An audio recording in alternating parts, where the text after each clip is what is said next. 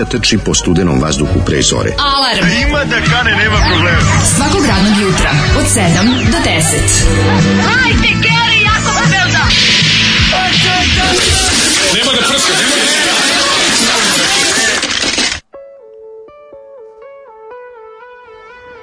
Je! Joj, petče, prijatelju, druže, brate, Kosovo moje, studenice, igračanico, o, ravanico, oj, livadico, javlio petče, nikad ti se ovako nisam obradao. Guzice i siso moja. Oj, guzice i siso me kažeš, baš to, petče. guzice i siso. moja. Strana matorko moja, petče, moj, domaća matorko, strana klink, guzata, teto, sisata klinko i obrnuto. Oh, majko Božje. Ove, e, kako si, je li ti hladno? Evo, pa ni, pa jeste hladno, mislim, u kući malo produva, tu i tamo vetar, ovaj, nego stalno šuška sve, zato što ovaj, vetar prolazi tamo gde prosto ne možeš da veruješ, čak i na nekim mestima kroz pločice duvo kupati. Stvarno, ima i toga. Tako da je to je prosto iznenađujući kad skontaš kuda sve a, struji vazduh, kojeg inače ne primećuješ dok nije ovako ekstremnog oblika izjašnjavanja, ovaj, tako da jako duva, ali nije više tako hladno kao juče, jel tako? Mislim što bi rekla ju grupa WC-om još šibaju vetrovi. Pa da, da. Znači, kad kroz nogama, kroz poliva. E, pa ide, čekaj, onda moraš da- kreneš kao grof Monte Cristo da tražiš rupu u zidu koju ćeš kašikom Da. nastaviti da dupiš. Dobro, to je sad već bekstvo- iz šošeka. E, ja sam- Ali ako se dobro iskenjaš, ove, a ne možeš da izaći iz WC-a, moraš iskopati tunel i pobeći. Apsolutno, nego ja sam ovaj dohakao mojoj i toj vučoći, jer meni je tačno taj prozor u kupatilu mi je, vuče mi ono da, da mi je ona vratanca od mačke, znaš, da njima sam napravio vratanca, pa sad tuda vuče kud oni prolaze, a sam dohakao, kupio sam u, ra, u radi samu, sam kupio ono dole gumu što se lepi na dno vrata, ono, znaš, pa sad, ovaj, pa, sad, pa mi sad lepo, nemam, nemam promaju, nisu kad izađem mokrih nogu iz tuša, kad tanem na pod dole, nema više ako po nogama da vuče, da vuče A, vazduh. ali zato uživaš u smradu, je tako, kada, E pa to je mali bombu. Da, to je mali problem. Sad mora se očkrinu vrata, da, da, jeste, upravo si. Ove, ali mislim odlepit ću to na leto. Aj jebemo život. Ove, kaže dobro jutro, dečko. Kako poruka stiglo, čoveče? Šta je ovo? Šta ste raspisali nešto jutros? Ja mislio čoveče nisam obrisao poruke od juče, a ono stvari sve nove. A, dobro Ti si moja dijeta, kako se za grupa Da, afera? grupa afera, ti si moja dijeta. Da, prvo, prvo da, re- redovno psovanje Zolija. Zoli, majku ti, ovaj, kaže, mlađo majku mu isfugira i pločice kako treba. Zoli naradim, na, Zoli naradim te govnima. Zorane Kovače, prekinuo si mi omiljenu pele, prelepu pesmu od Lastrade, močem ti niz kičmicu. Em, pa neko neko kaže ovo je grupa afera, vidiš kao ne, da li da li neko Shazamovo, ko je ovo priza- pazi, grupa afera ima samo ovaj single, znaš koji trash iz 81. Oni svi na omotu imaju bunde. Mislim, Dobra mi je stvar, da pa 81. to su ja, ja, jaki utice 70. još, još prisutni. Nego sam teo ti kažem da z- ovaj, zvuči opako nekako mm, ono, gruvački, na momentu me čak podsjetilo i na Biber piknik. Pa ima- ima taj- Ne ima- da ima- shvatim. Znaš, kao, o, signal onako prilično isprekidan, ck, ck, ck, stiže kod mene, tako da imam utisak kao da imam i neki ovaj, remix ludi ove pesme koje ja dobijam A cepalo ovaj, je. 2020. Um, žestoko je, ne možeš reći da malo ne zvuči na Tigers of Pen 10 ili nešto iz tog perioda. Jeste. Žestoko gitarsko, ali ovaj, da, tekst, tekst je no, onako, u njihovom fazonu svaka im čast. Tugice mi je onaj moment kao veče pada majka sprema večeru. To mi je baš onako, odmah mi se ugasilo. Tamo kad se pomislio da je možda malo zap- zapolivalo na Motorhead, ovaj s majkom koja pravi večeru me je me preseko. Ovaj kaže drugari Pa dobro, možda je Lemmy, razumiš? A dobro, ne može. Znaš kako drugačije je to? Tamo su rokeni sa 17-18 godina već bežali od kuće. Pa to ti je kažem. to. Verovatno vratili bi se, roditelji bi ih vidjeli prvi put na ono njihovom, ne znam, solističkom koncertu u gradu, kad bi ono do, dobili poziv od dece, dođite da vidite šta sam ja majko, koji sam ja fakultet majko završio, uh, rock and roll fakultet i onda majka dođe i ponosna je, znaš, A ovdje kad ti posle probe i posle svirke vratiš se kući da vidiš šta je stara spremila, u pravu si, onako, da mm, socijalni moment ubija taj glam koji je možda tinjao, ali jednostavno je ugaš, ugušen. Slušaj šta ljudi zanima, slušaj šta ljudi zanima. Imali na omotu singlice spisak članova? Naravno da ima. Uh, čekaj samo da vidim kako se zovu. Uh, aha, ovdje su prvo stavili, samo čekaj moment, samo imali su grupa afere, da li ima spisak članova? Pa te, a nije baš, nisu baš svi popisani, ali rekao bi da se tu nalazi neki Goran Milošević, Uh, ne, ne, nema, zapravo nema čovječe, kad malo bolje pogledam. Beograđani, Beograđani. Da li za Jugoton je ovo izašlo? Ne, ne znam ko je ovako bio radoznao, ali ne, nema, nema na omotu. Ove, kaže, onaj kavaljer od pre neki dan ispade još dobra pesma bre u odnosu na ovo. Ove, pa onda ovako, Ove, jeb se s pauzama između pesama, svaki put vadim telefon iz džepa pola noći da proverim da nije stao potok na vašoj buđ aplikaciji. Nemojte tako. Zašto nam samo gledate? Nemojte su ljudi, poruke, ono ja? stvarno, ne bi takvi, dajte Pa malo ovaj, razumevanje, Kaže- budite malo razumni. kaže ovako. Nemojte stvarno, mislim, ovo je baš, te, baš cepate dlaku na pola. Kaže Nemojte. ovako. Ove nedelje smo bar Daška jasno čuli sve po dva puta, jednom za nas, pa onda još jednom za mlađu. Ovaj pa Hvala. kaže, e, ne znam je li još na snazi ova vaša muzička ambicija zajednička, ali imam ime za projekat Def Telephones. Najgora nedelja dve Dobre, posjete. dobre, gluvi telefoni, gluvi telefoni, dobro. Naj- Ovaj, pa mogu reći sad gluvi telefoni divljaju, znači od kada ljudi furaju maske non stop, znači nema teorije, ja m, vrlo često da čujem misheard lyrics. Da, Tako ima, ono, kad ne vidiš ovaj, usta, da. Bude ljacka brana, barke i slične stvari, ono. A, kaže, najgora nedelja stvarno dve posjete Zubaru, a od tog jedno vađenje živca. Posle toga mi je Au. vaš napet show bio, ba- napet show bio banja. Ma, napet show, smešno napet show. Ove, Jeste, jeste, jeste. e, A to album, ma napet show, ako se ne Neko je, to ima. je, je Neko album ima to napet show, da. Kako se zove našeg drugara, iz, pa, iz Paraćina. Marcello, je tako? Marcello, moguće, moguće. Mislim, kad si rekao, Da, pa, da, jeste. ne znam nikog iz Paraćina. Napet, map- napet show, pa i bio juče i prekriče izjavljivao nešto. Nisam bio s tobom da podelim, ovi, vidio sam foto, sliku gde on priča nešto na ulici, a neke lepe devojke iza njega stoje alternativke, pa sam teo s tobom to da podelim. E, ja ako sam znam kako da ja sam- da ti to vidiš. Da, ja sam video Ovaj, Marcella ono što, ono što inače ti i ja radimo kad po navici kad ti ujutru kuvam kafu za nas dvoje. Da, vidio sam Marčela izgleda kao Matija Bećković na nekoj slici. Ono. A, Ove, dobro. e, pa ovako kaže, ko- e, kod nas sad rokeni brane svetinje, odu na litije, pa kod mame na klopu. Da, Marcello ima napečao, jeste. Ove, Pingvini padaju ispred zgrade, dobro e, jutro i ra- dobro i razonodno jutro. E, drugari su vam Paypalom uplatili Daškom mlađaninu novcem od moje prve plate zarađene na poslu za koji ste mi poželjeli sreću. Neka trajite i vi i moj posao koliko nama bude čejf. Ovaj, Bravo, kaže, neka je, ba svaka čast, ono, e, baš svaka vam čast. Kad e, Daško pomenu Cepter posle godine i godine uzaludnog traženja posla koji nije čišćenje po kućama, uočio se prijavim za prodavca u Cepteru da bi dobila radnu dozvolu. Spopadne me neka budala iz Bosne da me obuči, Jasmin. Ja ga zvala Jasmin. Koji me svaku, več, svaku večer zvao e, i govorio mi kako treba da se nametnem kupcu. Moja prva prezentacija, također kod Zeme Bosanca, skupilo se njihovo društvo. Naravno, ne treba im njemački, ja se trudim maksimalno. U jednom momentu me domaćin pozove u drugu sobu i kaže mi, mene pravo žao tebe, nisi ti bona za ovo. Ja sad setim, setim se ne, mojih roditelja, ono da isto isključite tako. saosećajnost, znači, već kad to radite tamo, morate odati u neku ozbiljnu kliniku da vam hiruški odstrane osjećaj sramote i onda možete to da radite. Ako vam se, jel kupac u očima vidi saosećanje i, i, i činjenicu da mu vi uvaljujete tako nešto. Znači, to mora biti obrisano iz vas.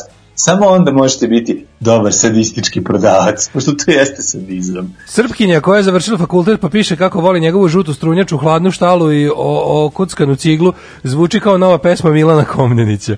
Ovaj pa kaže, ovaj a, a, a, glede bizonovih prozivki na račun kriznog štaba, s jedne strane ventil za ogorčene građane, s druge strane zastrašivanje stručnog dijela kriznog štaba, jer su pod pritiskom javnosti počeli da ispuštaju disonantne tonove.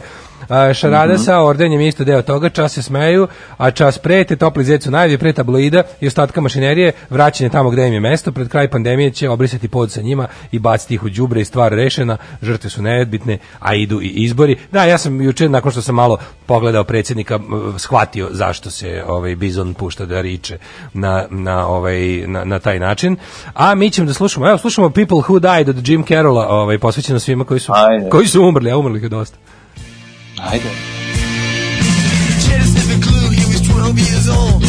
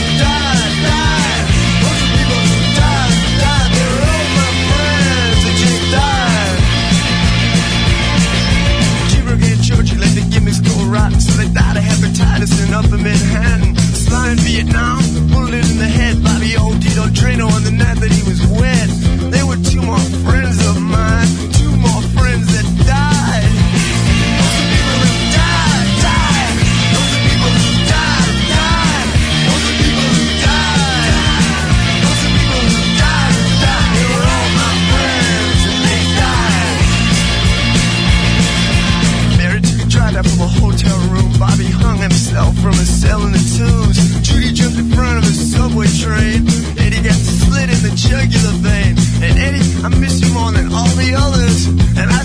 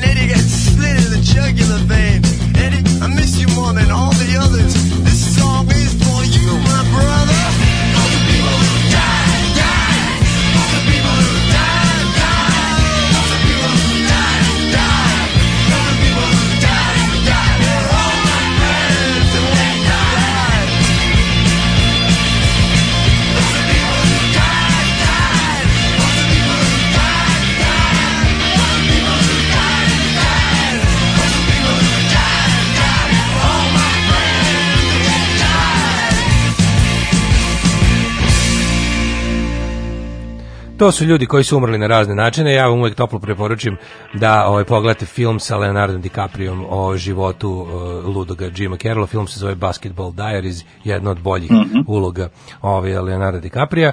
Uh, izete vi meni cvetkastu vašu novosadsku Imali, imali loših njegovih, imali vi jedna loša ovaj, njegova uloga, aj mi reci sada, pokušaj da se Pa setiš. Ima, ne mogu, ja znam da nešto, ili, ili možda nije loša uloga, ali mene nešto, možda filmovi nisu zanimali, ili mi nisu bili nešto interesantno, znaš, kao svuda je nešto dobro, on Verovatno on, ja, ja, da. ja se ne sjećam da je on ikada imao ono stativu. Čak i Da. kada su lobi, neki scenarij bio slabiji, on je bio odličan. Pa da upravo si da on je dobar uglavnom, ali znaš kao kad mi film šta sad šta, šta mi sad vredi što neko zna da svira gitaru u sranje bendu, ono znaš kao to je baš tako. Kao kad film bez veze ne mogu da se da se koncentrišem na, na super rolu. Izete vi meni cvetka tu vašu novosadsku civilizaciju čim padne sunce, odma šije vetar koji iz mlađine plinare posle prve pesme. E, mi na jug nemamo civilizaciju, al nemamo ni vetar. Kugla sladoleda 13 dinara bole nas. E, a, je li to Blaški mag? Nije, Ili šta nije, se nije, dešava? On je sad novi novosađeni. On je novosađen, ne, on njega više ne računam uopšte. On samo mora, on mora, mora da me podsjeti ovaj, da je ikada bio i stari Beograđanin, a pogotovo ovaj, kako se zove, stari Kladovčanin. Vlaški E, mag. Da, Vlaški mag da je ikad bio uopšte. Ovaj, e, Mijana Marković, Srpkinja koja je završila fakultet, je čerka Predraga Kviska Markovića. Da, da, i on je imao seks bar jednom. Vidiš, pominjali smo ga čoveče, kako se to sve namesti nekako čudno, ono. Mm, viš, jako čudno, jako čudno. Da. E, dale, heroju socijalističkog internet rada, meni ovih dana tako žao tebe s tim što ti ipak jesi za ovaj posao. E, dale, kako je tvoje mišljenje o Rio Mare insalatissime? Evo gledam ovo pakovanje i ne znam da li da otvorim i pojedem ili da odnesem komšijski mačka. Marš, marš. Viš kako se ljudi sprdaju s našom nemogućnošću da kupimo Rio Mare. O, Sprdaju se ljudi sa svim zajedno nama, ali nema veze. Mislim, Mi smo tu- nema veze, mi- plaćamo mi postoje, ono. ličnosti, polupoznate ličnosti. Da. Zamisli kako tek teško- Jednostavno, ljudi su zli, to moraš da shvatiš i čekaju priliku da se spotakneš i da padneš i da se smeju. To je ono, to je, to je smisao toga, ali nema veze, radi se o tome da mi istrajavamo i to je najvažnije. A Rio Mare će doći jednom kod komšije je. pa ćemo ga gledati. Tako je, moja, ja, ja i dalje verujem u taj Rio Mare. Znači, ono kao, Doći će Rio Mare, pa nemoj da brineš bre, dale, vidjet ćeš, doći će samo da Doći će istrajemo Rio još malo, još mo doći će i naših pet minuta kada ćemo ovaj, trošiti kao pijeni baroni. Um, kaže, um, šta Titanic? E, Titan, Titanic. Pa nije mu tu loša uloga. ali, pff, Tebi dobar film Titanic. Nije mi dobar film, ali nema veze, on je dobar, Da. čak i tu okej. Ma Veze, dobro, znaš šta meni problem samo bio? Nekada mi je bio problem kod njega, to što mi je bio previše baby face-a, igrao je, recimo evo, negde mi je igra, negde mi je previše zategnuto lice i mlada igra nekog kao prekaljenog lika. Eto, tu mi malo zna biti problematično, ali opet on to dobro odigra, tako da, ono, na. Posuđen se s burazerom, jedan burazer iz familije se razbolao od korone, ja kažem treba da jure doktore da, da uradi, ima sve simptome, kaže šta vi verujete u koronu, ja mu kažem pa smanji malo Balkan Info, a lik, je, lik se još naljuti na mene, kakav poraz mozga u društvu, kakve su zlo te gluposti sa neta, jebi ga. Ovaj, šta se radi juče? Juče vodio Antona na vakcinu.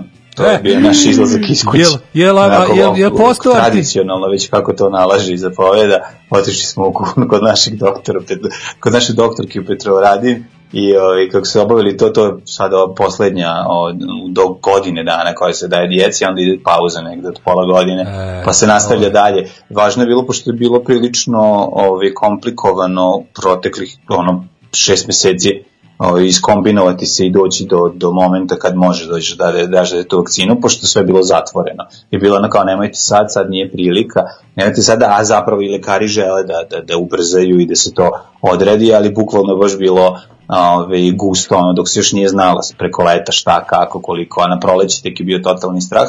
Međutim, uspeli smo sve da stignemo, medicina je pobedila, to je najvažnije.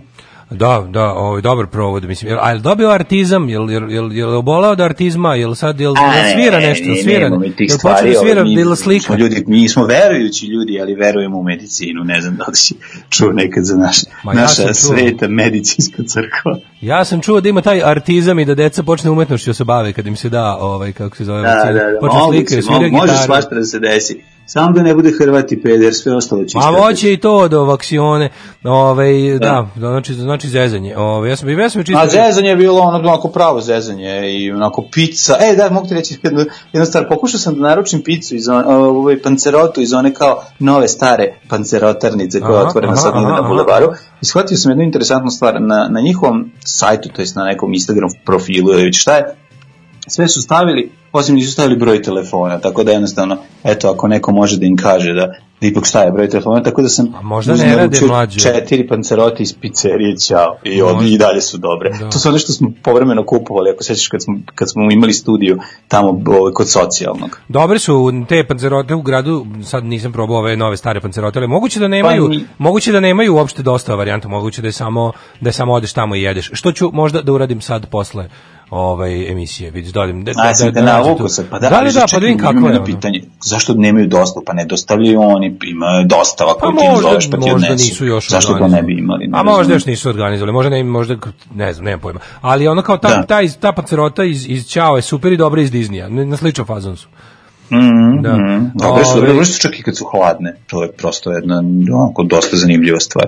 Tako da, eto, tako izgleda dan. Šta si ti radio? Pa ja sam čisto se družio sa dje- dje- djecom i omladinom, sa mojim djugovom majkom sam išao, ovaj, e, da, to ovako, to je čitav proces. Ide se u Mercator da se kupi neka životinja iz one, kako se zove ona preskupa, kako se zove ona preskupa em, edicija onih em, igračaka što se prodaju po apotekama životinja, ona šle, šleker, ili kako se Da, zove, da, da, šleker, da, skupe, skupe igračke, skupe igračke, da, on ima jedno- kineske, njemačke, Nije to kinesko, to je nemačko, tu piše made in Germany.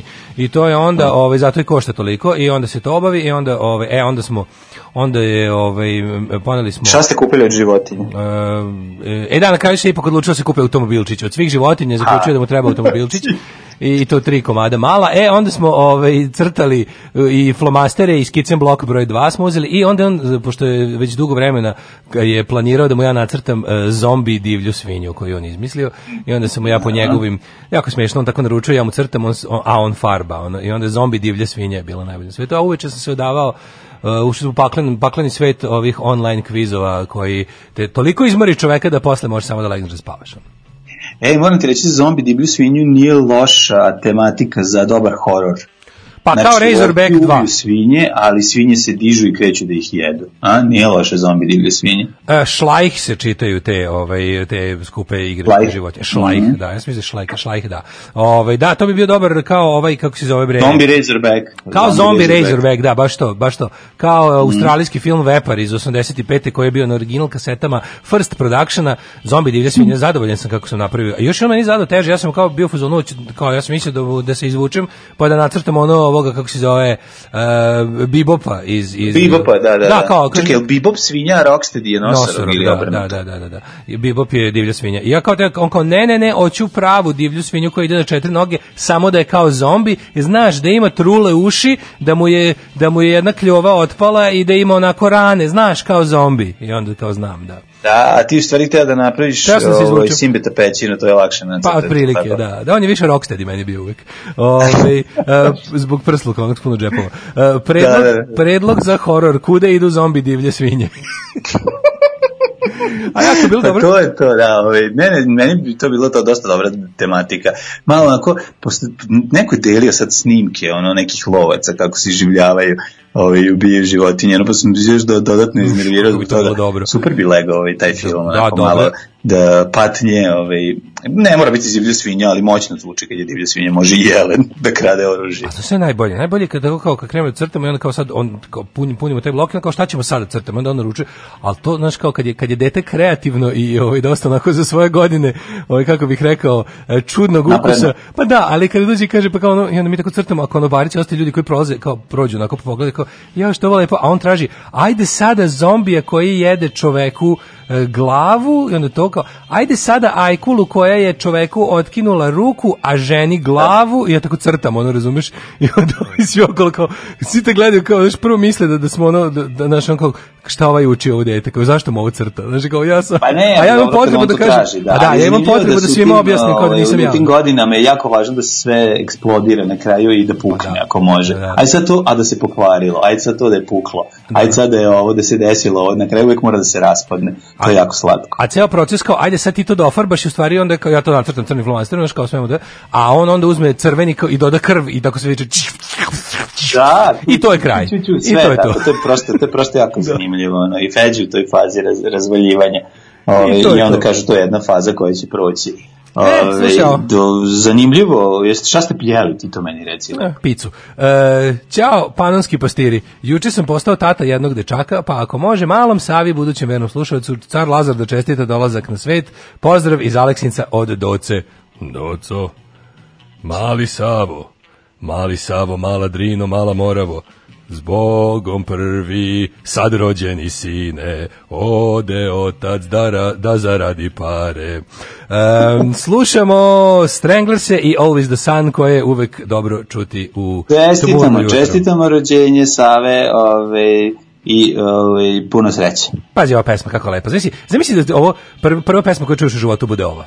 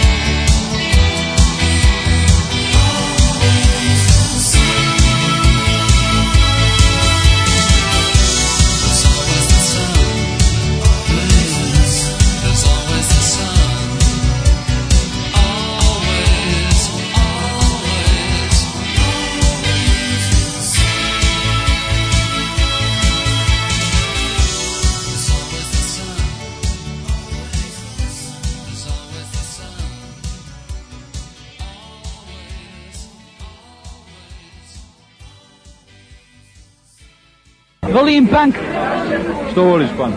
zato što...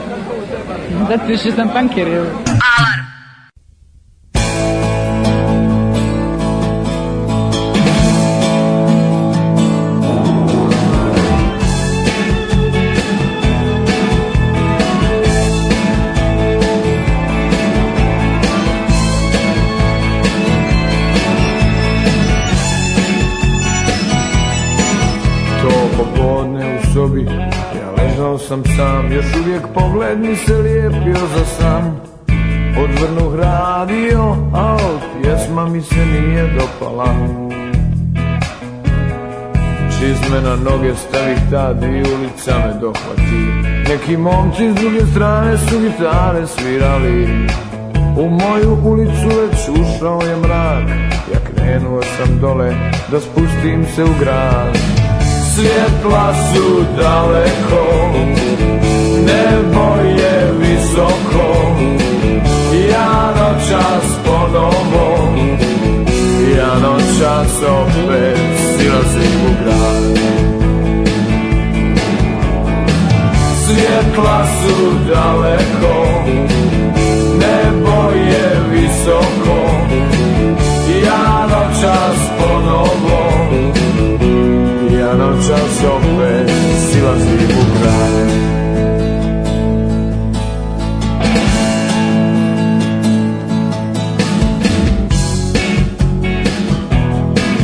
To popodne u sobi ležao sam sam Još uvijek pogled mi se lijepio za san. Odvrnuh radio Al pjesma mi se nije dopala. Čizme na noge stavih tad i ulica me dohvati. Neki momci s druge strane su gitare svirali. U moju ulicu već ušao je mrak. Ja krenuo sam dole da spustim se u grad Svjetla su daleko Nebo je visoko Ja noćas ponovo. Ja noćas opet silazim u grad. Svjetla su daleko Nebo je visoko Ja noćas ponovo Ja noćas opet silazim Svjetla su daleko Nebo je visoko. Ja noćas ponovo Ja noćas opet silazim. Ja noćas opet silazim Ja noćas opet silazim u grad primetio nešto slatko u vezi Đure i bomba i štampe? Ovaj, kako on ne izlazi u grad, on silazi u grad. Pa zato što sa Rajvosa, pa živi Pa gore da, tamo pa to je toliko slatko, je- treba siđe dole gde je Miljacka. Jeste, on je neki mahalaš, razumeš, on živi gore negde i onda kao mora siđe u grad. To mi tako meni, kao, znaš, kao izlazim u grad, kažu svi. Ne, on silazi u grad i to mi je toliko lepo nekako, ono. Pa lepo je, pa to je Sarajevo, da, mislim, ove, silazilo se u grad, zavisi ako nisi u sam, ako ne živiš u samom gradu, ako si na neku, u nekom od naselja okolnih, ovaj, treba da siđeš u grad. Ne znam da znaš, 90-ih su silazile granate u grad, isto onako dosta loše. Da, ekipa koja nije silazila baš mnogo Da. u životu u grad. Nije mnogo silazila, ali želela da, ovaj, da ne mora više da silazi, je da ga izravna, pa da nema više razloga da silazi dole, da. Kaže, jel pevač bomba i štampe onaj lik Đurine kućne čarolije i nadrealista? Da, to je Branko Đurić Đura, pevač bomba i štampe. Imaju dva, su, imaju dva albuma iz onog originalnog kraja 80-ih perioda, a imaju posle još jedan ovaj, sada iz 21. veka. I mislim, sve je to jeste. super. Ja volim, ja mislim, ovo novo mi naravno nije dobro kao staro, ali koncerti bomba i štampe su super provod, ali super provod. Znači, Pa stvarno, jesu. ono, bio sam na tri komada u zadnjih, jel, ono, 15 godina i stvarno, ono, uvijek je bilo super. Ja sam bio samo na Exitu, ali bilo je super, mislim, stvarno zanimljivo gledati ga, pošto je, jel da, i glumac, ne samo, ovaj, ne samo pjevač i gitarista. Jeste Tako i da vi- je onda zanimljivo. Jeste i vi Da. pravili poređenje e, SNS-a gledajući dokumentarac? Inače, rekli smo za bomba i štampu, da je bomba i ono lupa i lupetaj, da nije ono što smo mi mislili. A da je Bombaj kao e, izmišlja i lupetaju u štampi, a ne, a lupetite ne, kada a ne Mumbai. bombanje je kada te, te prozove profesorica, a ti ovaj, nemaš pojma ništa i onda kaže bombaj, kao tako su govorili u Sarajevu. Da. Onda to znaš ili lupetaš nešto, te, ono što ti radiš svaki put kad dođemo do čitanja istorije, pa, Da. ja, pa ti ja pitam nešto, a ti se praviš da znaš. Ja E, to je bombaj. E, još, aj još par poruka pa idemo u istoriju. Da li, ste, da li ste vi pravili poređenje s današnjim SNS-om gledajući dokumentarac Hitler's Circle of Evil? Mislim da je to svako radio. Svako je kad je gledao neki preko, a ovo je, taj, ovo je, ovo je. A mislim, meni su svi oni nekako, ja kad bi kao pravio Vučić Circle of Evil, mislim da su njegovi najbliži saradnici, ovaj, kako se zove, Selaković, Uh, sad ne znam ta priča da su onda se posvađao sa Nešom Slinom, to ne znam. Uh, znam da on nije dobar s Vulin, da Vu- Vulin i on se zapravo ne vole, ali ovaj njemu Kerina kakva se redko može poželeti. Uh, mislim da su mu jako lojalni još taj Glišić, jako, su mu, jako mu je lojalna ova, uh, kako se zove, Suzi. Uh, brat, naravno, brat je ono kao, kako se zove, Reichsführer SS i ovaj um, ko bi još tu mogu da bude baš ono kao a dobro ima znaš ima tu kad kad porediš ko je ko da kad čuješ kad čuješ ko je šta bio u toj nomenklaturi nađeš mu pandam ovaj u, u SNS-u Pa nađeš, ono, Selaković mi je nekako najsličniji ovaj, po, po, po prvim ovim, kako se zove, njegovim poslušnicima. A, kaže, zaboravili ste naš sa teške periferije koje odlaze u grad. Znači, postoji izlazak, odlazak i silazak u grad za sada. Smo ovaj, to identifikovali. Dobro, i Kamenčani silaze u grad kad dolaze u Novi Sad. A, kaže, Al si me sad opravio, kaže Vlaški mag, osjećam se kao Jovan bez zemlje. Beograd i Karaburma su u srcu, kladavo je u duši, a novosadski maniri mi ne dozvoljavaju da odreagujem na ovakve provokacije. Vidi, Gari, kaže, vidi, Gari, otačbina je tamo gde mi je podvarak najukusniji. Ove, e, kaže, da li je sad konačno kraj kampanje Mlađe Life Matters? ne znam, Ne, kraj vidjet ćete, kampanje. da saznaćete kada je kraj kampanje, te nemojte da brinete, samo uživajte da bi vam mi potrejali šta duže. Ovaj, nemojte biti zli, nego budite dobri. A jel ne, ni u ponedeljak nećemo normalno raditi? Nemam ja, mislim, ni... Sve ćemo ti, ja, sve, sve ćeš biti, bit ćeš obavešten putem razgovora samem posle emisije. Dobro, o, Đura živi u Ljubljani i dok sam studirao tamo uvek sam ga sretao kako biciklom i sa prasetom u korpi ide do kafane. Da, Ima on je prilično... praseta, jao što je ovaj, ekscentričan, bog Onako voli zdrav život. Voli. ja razgovarao sam s njim u dva navrata i primetio sam da je onako jedan čovek koji jako pazi šta jede Da. i trenira i onako drži, drži ovaj, čuva svoje zdravlje. Pa ne jede prase, nego ga drži u korpi. E, Tamo ne znam da imao prase kao kućnog ljubimca. kaže, nosio ga biciklom i prasetom ljubimcem u korpi ide do kafane, vidio ga čovjek. Ne, eto pa možda i to. E, jeste znali da je Maja Nikolić u zagradi Japunđa iz Sarajeva? Juče sam slušao njen intervju i slatka je komedija. Jest Maja, Maja stvarno, ovaj, to uživo, to je prosto Milina Delit studio s njojzi. E, pa kaže, morate razumeti, samo u Vojvodini se ide u grad. Ili kad pitaš nekog za pravac, kaže ti pravo tamo, a u drugim delovima gore ili dole. Kaže, otuda mi baš i ne razumemo top za gore.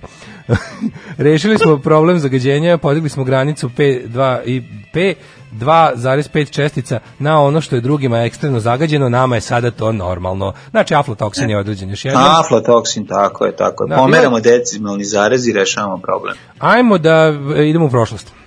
Ajde.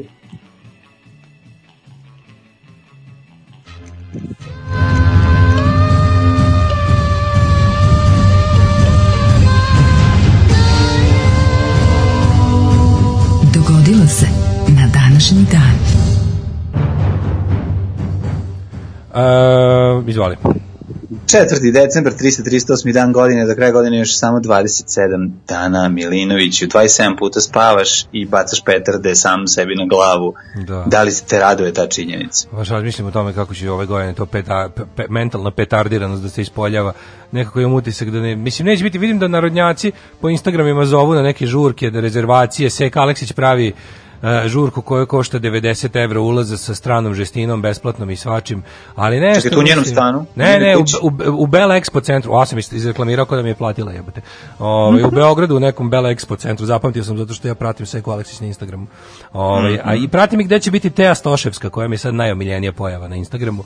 Ove, Teja Stoševska isto nastupa negde. Mislim, i ona je najavila novu godinu. Tako da, ja ne znam da li će im krizni štab i Vučić zabraniti, ali ja se bojim da ako im zabrane da će imati već u sredinom januara najveći ovaj, štrajk eh, estradnih umetnika u istoriji estradnih umetnika. Ovaj dakle- ne, ne, ne, molim, to je prilika za nas da kupimo njihove automobile po povoljnim cenama. Po polovnim Onda kada cenama. oni čabriraju, razumiješ, kada oni čabriraju možete po, da prodaju puno trash stvari koje su nakupovali Da. sve ovo vreme i onda običan narod će moći da, da kupi. Šalim se neće, ali eto, bar će moći da mašta da je njima crkla krava pa da im bude drago.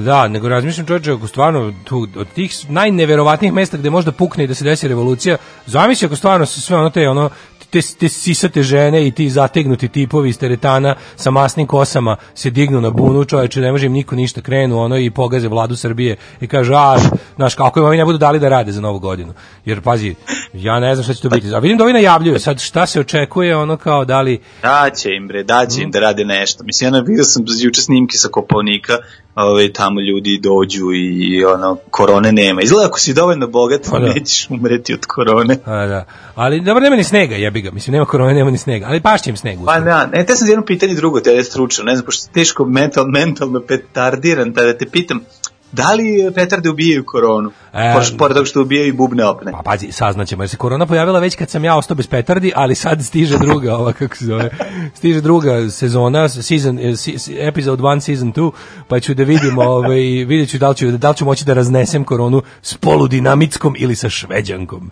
Još ću da So. vidim. Uglavnom, za novu godinu kanim bacat petarde, na to Ej, sve raznesi šveđanku za novu godinu. Ja sam da raznesem šveđanku, ali za ne, neće moći da se, neće moći da se putuje još uvijek.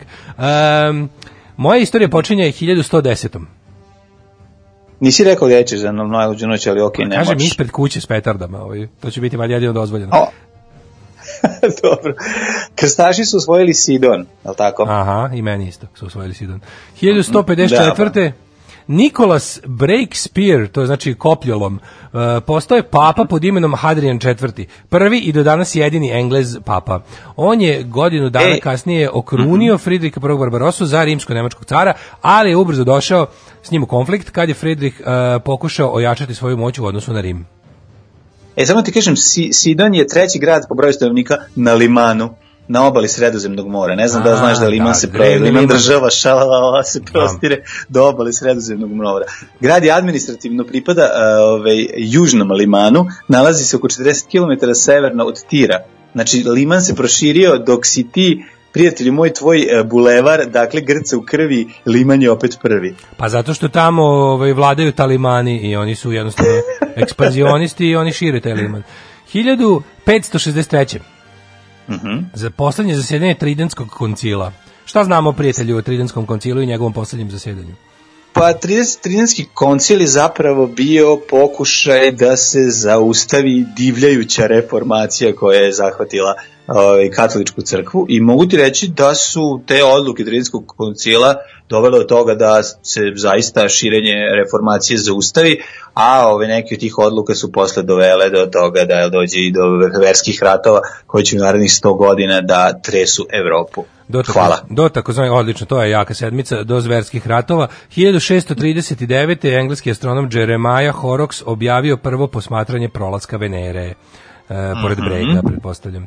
E, 1791. izašao je prvi broj britanskog Mhm. obzervera. Prvi broj britanskog obzervera, najstarijeg nedeljnog lista u svijetu. Pazi, 1791. Da, ja mislim da obzerver i dalje izlazi, ja mislim. Ovaj, uh, 1829. Britanci u Indiji zabranili običaj spaljivanja udovica prilikom spaljivanja njihovih muževa na posmrtnoj ceremoniji. Ovo je jedan od onih stvari gde sam ono kao bio svim srcem uz imperializam, kolonijalizam i ostalo, ovaj, Pa, zato što mi je jako bilo drago kada su ti nazadni religiozni ludaci sa svojim idiotskim, nehumanim, divljačkim, ono najglupljim običajem na svetu, rekli da je to njihov običaj, a onda im je ovaj upravitelj rekao, dobro, ovaj, moj običaj je da ljude koji spaljuju žive žene obesim. Tako da ovaj, vi provedite svoj običaj, a onda ću ja svoj običaj i onda tu, to, naravno, to su bili neredi, zbog toga su izbili i na kraju je to kad je suzbijeno, jer su Britanci ipak imali oružje i silu na svojoj strani, oni su možda Da. da. jedan od tih, jednih tih paradoksalnih, suludih momenata gde ono kao uh, kolonijalizam i imperializam su bunile. Doneli progres Šta bre, ti negde, meni zabranjuješ moje pravo da me neko spali?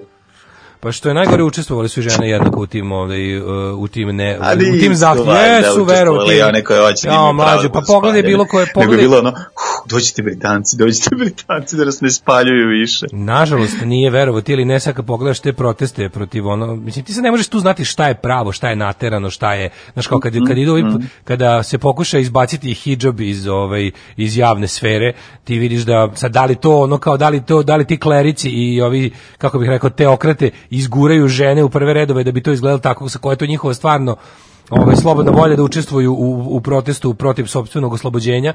Ove, ali ima ih tamo, mislim, uvijek su u prvim redovima zapravo žene, sad kažem ti, to jeste Da, problem. znaš šta, kad to je neko jeste ceo život ono pa da, bombardovano da, da. od najranijih ovih dana, od, od samog rođenja, Jeste, bombardovan tom pričom i ono zatrovan, onda je jako teško naš, ono, da ga, da ga preoblikuješ, to je da shvati da radi protiv sebe. Nijedna- nijedna Srbija, ta, država ovaj- Srbije je najbolji dokaz, ono, znaš, ono, ovde ljudi rade protiv sebe, ono, seku granu na kojoj sede i, i, i, i jo- još ono traže, traže da im pomogneš, a ako dođeš kažeš ja i nemoj, onda krenu da se batrgaju i da se tuku, tako da ovaj, razumem da je to bio veliki problem. Pa ni jedna od tih religioznih gluposti se ne može ovaj zapatiti u glavi čoveka kako ga ne otruješ time, ovaj kao kao mla, jako mladog. Mislim, zamisli da, da zamisli da nikad nisi čuo ni za Bibliju, ni za Kuran, ni za Talmud, ni za ništa tih ono svetih knjiga i da kao odrastao čovek uđeš u knjižaru i da one ravnopravno stoje sa svim ostalim knjigama i sad kreneš da uzmeš ono knjige.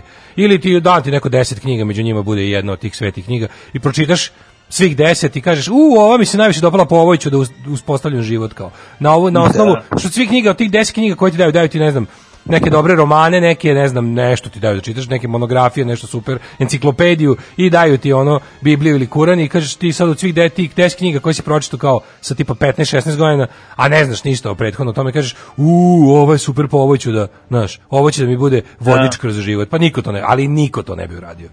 Pa, naravno. 1841. predstavom Smrt Stefana Dečanskog Jovana Stevije Popovića, prvog uvoznika za slađivača u Srbiju, u bivšem skladištu carinarnice otvoreno je pozorište na Đumruku. Štampan je prvi pozorišni plakat i naplaćivane su ulaznice. A, organizatori pozorišta bili su a, glumac i reditelj Atanasije Nikolić i dramski pisac gospodin Stevija. O, E, jako sad da znaš da su ima, ima, glumili ima sačuvan takozvani plakat. diletanti, ovaj, Pa zapravo na mogu? turšcici, Pa to da. je jako slatko. Pa nije znači, mogu sve niko to, ja drugi, ono. kako bi voleo da mogu da se vratim bukvalno ono 10 minuta, ma 5 minuta samo da mogu da vidim ovaj, kako je to izgledalo, znači koliko je to bilo dobacivanja, koliko je to bilo divljanje, ono garant svakih 5 minuta je ono kao stanite, nemojte dobacivati, nemojte gađati Stefana Dečanskog, ovaj, umreće i sam do kraja predstave. Nema potrebe da, da ga ganjate. Ali gledam sad kako izgledao sačuvanje taj prvi plakat koji je štampan. Gledam kako to izgleda, to je neka to je to je štampano nekim ko- nekom kombinacijom ovaj Vukovog, Vukove reforme jezika i onog prethodnog što je bilo to jako ćirilica u pitanju ova Vukova ćirilica, ali vidim da su tu još neke ona ruska i, i, crkveno-slovenska slova na plakatu. Jako, jako interesantno. Pa, Vidiš ti da je 1841. Da. ne znam kad Pazi, pisano Vukova reforma ovaj, ušunjala, to je bilo malo kasnije. Ako Ne, ovo jeste- ovo jeste 1864. Verovatno je kasnije ovaj, tek se u, u ovaj, njegova reforma zapravo ovaj, počela videti i na ovakvim Da. stvarima kao što su plakati. Pazi, ima, na primjer, vidi se da je teatar na Đumruku, da se koristi slovo Đ, koje je baš ono. Mhm. A, 18- 1918. šef policije Grga Budisav Angelinović zabranio izlaženje pravaškom dnevnom listu Hrvatska. E, Grga, onda- Grga Pitić. Grga Pitić. E, 1943. predsjednik SAD e, čekaj, čekaj. Theodore Roosevelt, Teddy. Roosevelt. Nije bre, ovo je 43. mogu biti Franklin Delano Roosevelt, ova je greška. Uh, 43. je bio Franklin Delano Roosevelt, Theodore Roosevelt je Mhm. bio oko prvog svjetskog rata. Britanski premijer Winston Churchill i turski predsjednik Mustafa Ismet Ineni u Kairu razmatrali zajedničke akcije u okviru antihitlerovske koalicije. Turska međutim odbila da objavi rat Nemačkoj. To je jako interesantno koliko je Turska, jako je malo falilo da je Hitler privoli da bude na njegovoj strani. Kad sam bio Mhm. u Istanbulu, bio sam u jednoj starinarnici, na jednoj, jednoj od najluđih radnji u kojoj sam ikad ušao u životu. Ovaj ti bi u toj radnji ja mislim umro od sreće. Znači pričao sam A, rekao pričao si mi, ti radnji. pričao si mi, Ti, ti bi sećam se, umro, da, da, da. znači kad me je veliko odveo u sekciju, ono otprilike posvećenu ono 35 od 45 pa kad sam video to, znači koliko se turska javnost bila ložila kao ovi nemačka pet, da kažem peta kolona, ovi njihovi privrednici sve to ti koji su bili poslati ovaj da da da rovare za za nacističku stvar, ono. Znači koliko je to bilo neverovatno, oni su tako da više tako sve stvari. Bilo je bilo je maltene izvesno završen posao da će ovi podržati ovaj pogotovo sa tim jakim antisemitskim onoforama gde su ovi kao razni isto ovi kako se zove imami i ekipa su bili ovaj spremni da da ono kao da da zgaze kao bilo kakvu ono jevrejsku državu u blizini i tako to ali nije na kraju na kraju su saveznici Pa, uspeli da ih ubede da Nije ne zato rade ništa. Prvom svetskom ratu je ovaj, Turska bila na strani Nemačke, pa se završilo loše po njih, znaš, tako da ovaj, u tom smislu verovatno su, su izračunali da im pametnije da, da ostanu neutralni. A Nemačka kažem ti jako puno ulagala u to u tom trenutku. A 1900 ulagala je, naravno, ulagala je bre i na Bliskom istoku, ulagala je gde god je mogla, slala ekspedicije ove, i slala na kraju, na kraju svoje agente da rovare ove, i da pokušaju da učare nešto za Nemačku, ali ni Britanci su bi poslali, kada bi pošalju jednog Britanci pošalju pet. Da. to je razlika. Uh, 1944. nakon mesečnih, jednomesečnih borbi uh,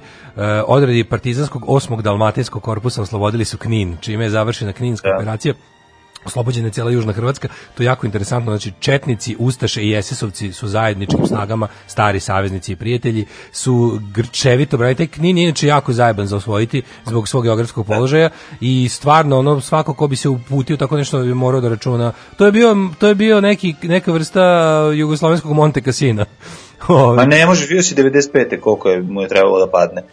Pa jeste, mislim, stra- pa ne, 95. mu nije trebalo puno da padne, su- jer su ovi po dogovoru sklonili svi. A dobro, da, sarkastičan sam. Ali su te- Ovaj, a vi, a više reviziju o, o kojoj smo pričali kao Ajde. u svojim najlepšem svetlu. Vidi, Ajde, ajde. 1944. Dinarska četnička divizija po komandom Momčila Đujića rano ujutro uspešno izvršila proboj iz partizanskog obruča porazivši na prepade mnogobrojne i bolje naoružene partizane kod, se, kod sela Pađane i nastavila proboj prema zapadnim saveznicima u Italiji. Do cilja je stiglo preko 10.000 boraca i civila, čime je Dinarska divizija ostala jedina neporažena formacija jugoslovenske vojske u otačbini. Pička ovo vam, je bre, ovo materina. revizija u svoj svojoj jednoći. Znači, pizdava materina. Znaš ko je to, znaš ko je to, Pa ovo je spin spinova. Ovo je Znači, spin oni samo uzeli spinova. obra, o- obrnuli, znači sve ono što je što ovde samo da staviš partizane umesto četnike da onda bi imalo smisla, ali ovako Ali- ovo prosto neverovatno. Znači taj ono što bi rekao što bi rekao partizanski komandant u filmu Pad Italije, ona piška Pop Đujić. Oj, koliko mi je to neverovatno kako su oni to ispinovali, kaže, probili su partizanski obruč. Partizanski Probili su se da, da, da. kroz jedinice oslo, oslobodilaca. Znači neverovatno. i išli da sa svojim saveznicima italijanima i nemcima znači to je bilo ono, jedna od najvernijih ono kvislinčkih formacija taj Pop Đujić i ta dinarska divizija koja je žela da bude devizna divizija ali je ostala ipak dinarska Ja. ovaj, pa su Da. ih ono na kraju kao ustala jedina neporažena pa zato što ste pobegli ono, ostala Ono, neporažena ne poraženi zato što su bili zato što prvo se nisu borili. To je Pa da. prva stvar, to je prvi put pri ono nji, njihova se- borba se zasnivala na ono borbi protiv partizana, pošto sa Nemcima i Italijanima se nisu borili, odnosno protiv njih nisu. A borili su se Jezivo. protiv, e, Jezivo je, civila, Ono, znači, znači- ono baš revizija, onako, ono o čemu smo juče pričali, ti ja kad smo govorili ko, koju Wikipediju čita, Da, evo da, da. ovde imaš to onako najbolje predstavljeno. Pa to je, mislim, e, Ratko Mladić, e, iako je bio, ovaj, kako bih rekao, vojno lice socijalističke jugoslovenske vojske je d- nastavljač tog ovaj herojskog rata protiv civila ovaj kojih su vodili pre tako ljudi poput mm, Popođevića jezio. ljudi po- poput Popođevića a 1974 u blizini glavnog grada Šrilanke Kolomba srušio se uh, honski avion DC-8 poginuli svi putnici i članovi posade 191 žrtva A, 1977. otičari preuzeli let 653 malezijske aviokompanije, avion se srušio u Tanjong Kupangu u Johoru, usmrtivši 100 ljudi. Da, zlatno doba terorizma. Ove, 77. Jean Bedel Bokasa krunisao se za cara Centralnoafričkog carstva. Mhm. Troškovi ceremonije krunisanja iznosili su koliko i četvrtina nacionalnog proizvoda zemlje od tugo. Jezivo, jezivo je. Svi da to, za, kad smo kod Afrike, svi da je u Namibi, ne, gde, ovaj, gde se pojavio ovaj kandidat Adolf Hitler? Si Nemoj me vidio to? zezati, nisam vidio Adolfa Hitlera. Za šta? Na nekim izborima? Pa kandidat neki odbor za nekog odbornika Aha, neko vladi malo neke, mesto, da. ove neke afričke države i stoji tako lik crnac i zove se Adolf Hitler i on je kandidat. Pa da, to Prosto njemu- ne mogu da. da shvatim zašto. Pa to je njegovim ali njegovim, dobro. njegovim roditeljima je to bilo baš dobro zezanje i egzotično. Ono. A, No, pa ne znam, da, ili ono što smo govorili, nemački uticaj i u Africi je postojao, pa možda se desilo. Pričali smo o onim bavarskim ulicama ove, u, u nemačkim kolonijama u Africi. Da. Pa Pa možda da, je to je- odrastao u nekoj švapskoj kući u Nairobiju. To, to je malo pojma. češće zapravo u Južnoj Americi, ali bilo je, da, bilo je u Africi. A, pa onda ovako. Bilo je, bilo je u Africi 100%, bilo je u Africi 100%. A, 91. o- otmičari oslobodili posljednjeg Amerikanca Terry Andersona koji je kao tar, talac u Libanu proveo 2454 dana pripadnici islamskog džihada kidnapovali su ga 16. marta 1985. Da, oni, oni su, znaš šta, kod tih ovaj, otetih novinara tokom 80-ih u Bejrutu ima pesma od Fingersa, naravno Beirut Moon, koja govori o tome da kada su zapadne sile promenile i uveli tu doktrinu ne pregovaramo s teroristima, kola su se slomila uglavnom na, na, na novinarima. Tad je počela ta ovaj doktrina ne pregovaramo s teroristima. Oni žele jednostavno da obezvrede terorističke akte i da ih učine besmislenim. I jesu u neku ruku uspeli, zašto pazi, ovog čoveka su znači držali ono šest godina i onda su ga samo na kraju pustili. Znači ništa nisu dobili za njega, pustili su ga. Mislim što je bilo stvarno ono mogli su ga izobesti i ubiti, mislim zato što nisu dobili šta šta su hteli. Um, 95. ministri inostranih poslova Europske unije na sastanku u Briselu suspendovali sankcije Jugoslaviji, ali ostao je takozvani spoljni zid sankcija. On je zid sankcija i hungariše col. Hungariše Col ne ostaje dan danas, prijatelju. Ono. Hungariše Col will never die. Uh, 98. poslednji crveni kmeri predali se armiji Kambođe, o majku im. Ove, I 2001. izraelska vojska ušla u nekoliko palestinskih gradova na zapadnoj obali i zauzela međunarodni aerodrom u Gazi. Ošto mi da čujemo jednog Nancyja Sinatru i Lia Hazelwoodovku. Ajmo, ajmo, ajmo. Summer Wild. Summer Wild. Strawberries, cherries, and an angel's kiss in spring. My summer wine is really made from all these things.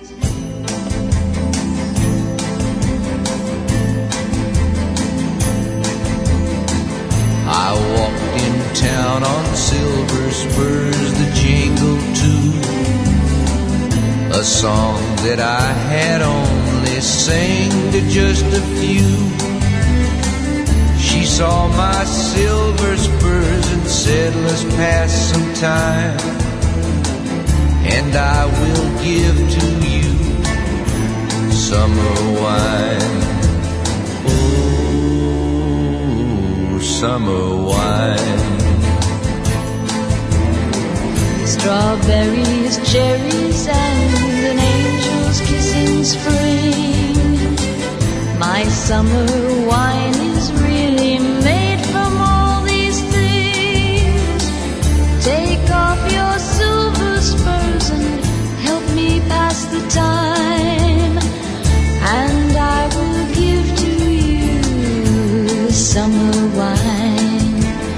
Oh, summer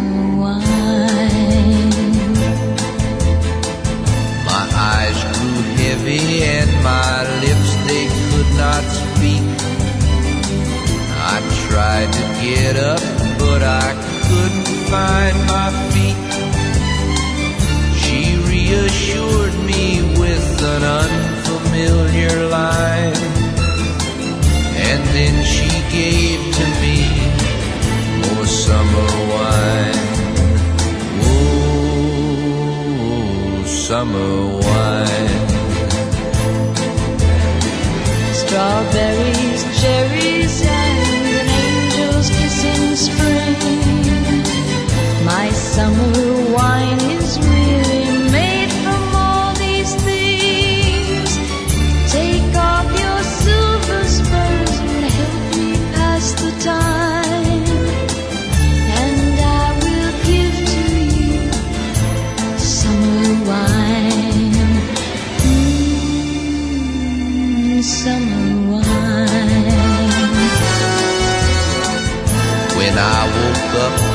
sun was shining in my eyes. My silver spurs were gone, my head felt twice its size. She took my silver spurs, a dollar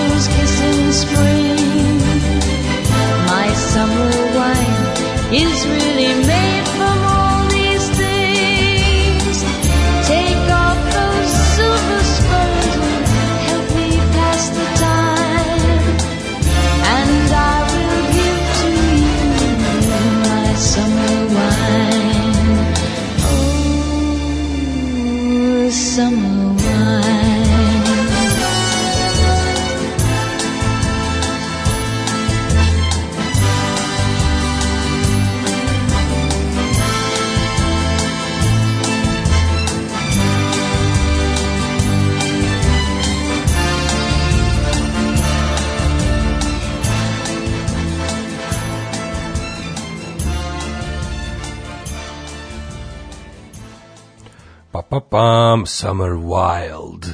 Čuvena pesma.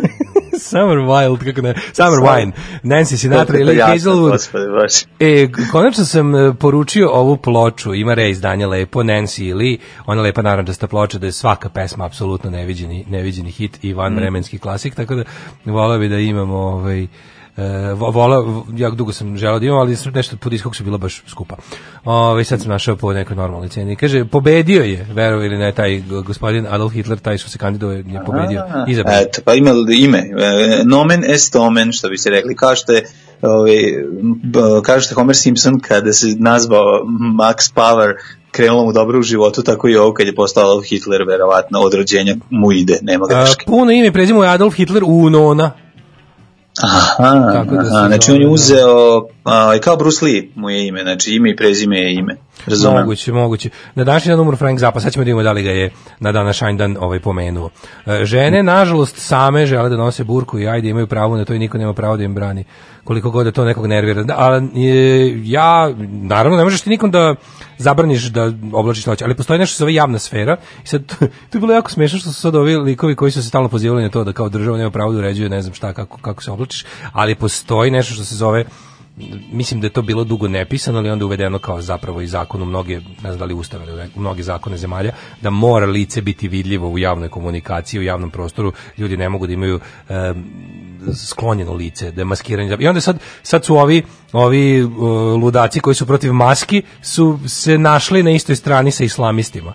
Razumeš? Da, u da, da. protestima Pa da. kao, šta kao maskirani da idemo, znaš, kao kako sad ovo kao ako ne mogu, ako ako mogu maske mogu i tako mislim znaš kad mislim borci protiv progresa se uvek nekako nađu čak i kad su 99% vremena jedni drugima nožem za vrat kad treba neko veće zlo da se napravi uvek se ujedine pizde materino Da, da, to su one fotografije četnici i ustaše zajedno. Pa cugaju u naravno tu, da. Desni, desnice, islamisti. Znaš, najsme, mislim, kako to ludost ima? Tu svako sa svakim bio bar po jednom.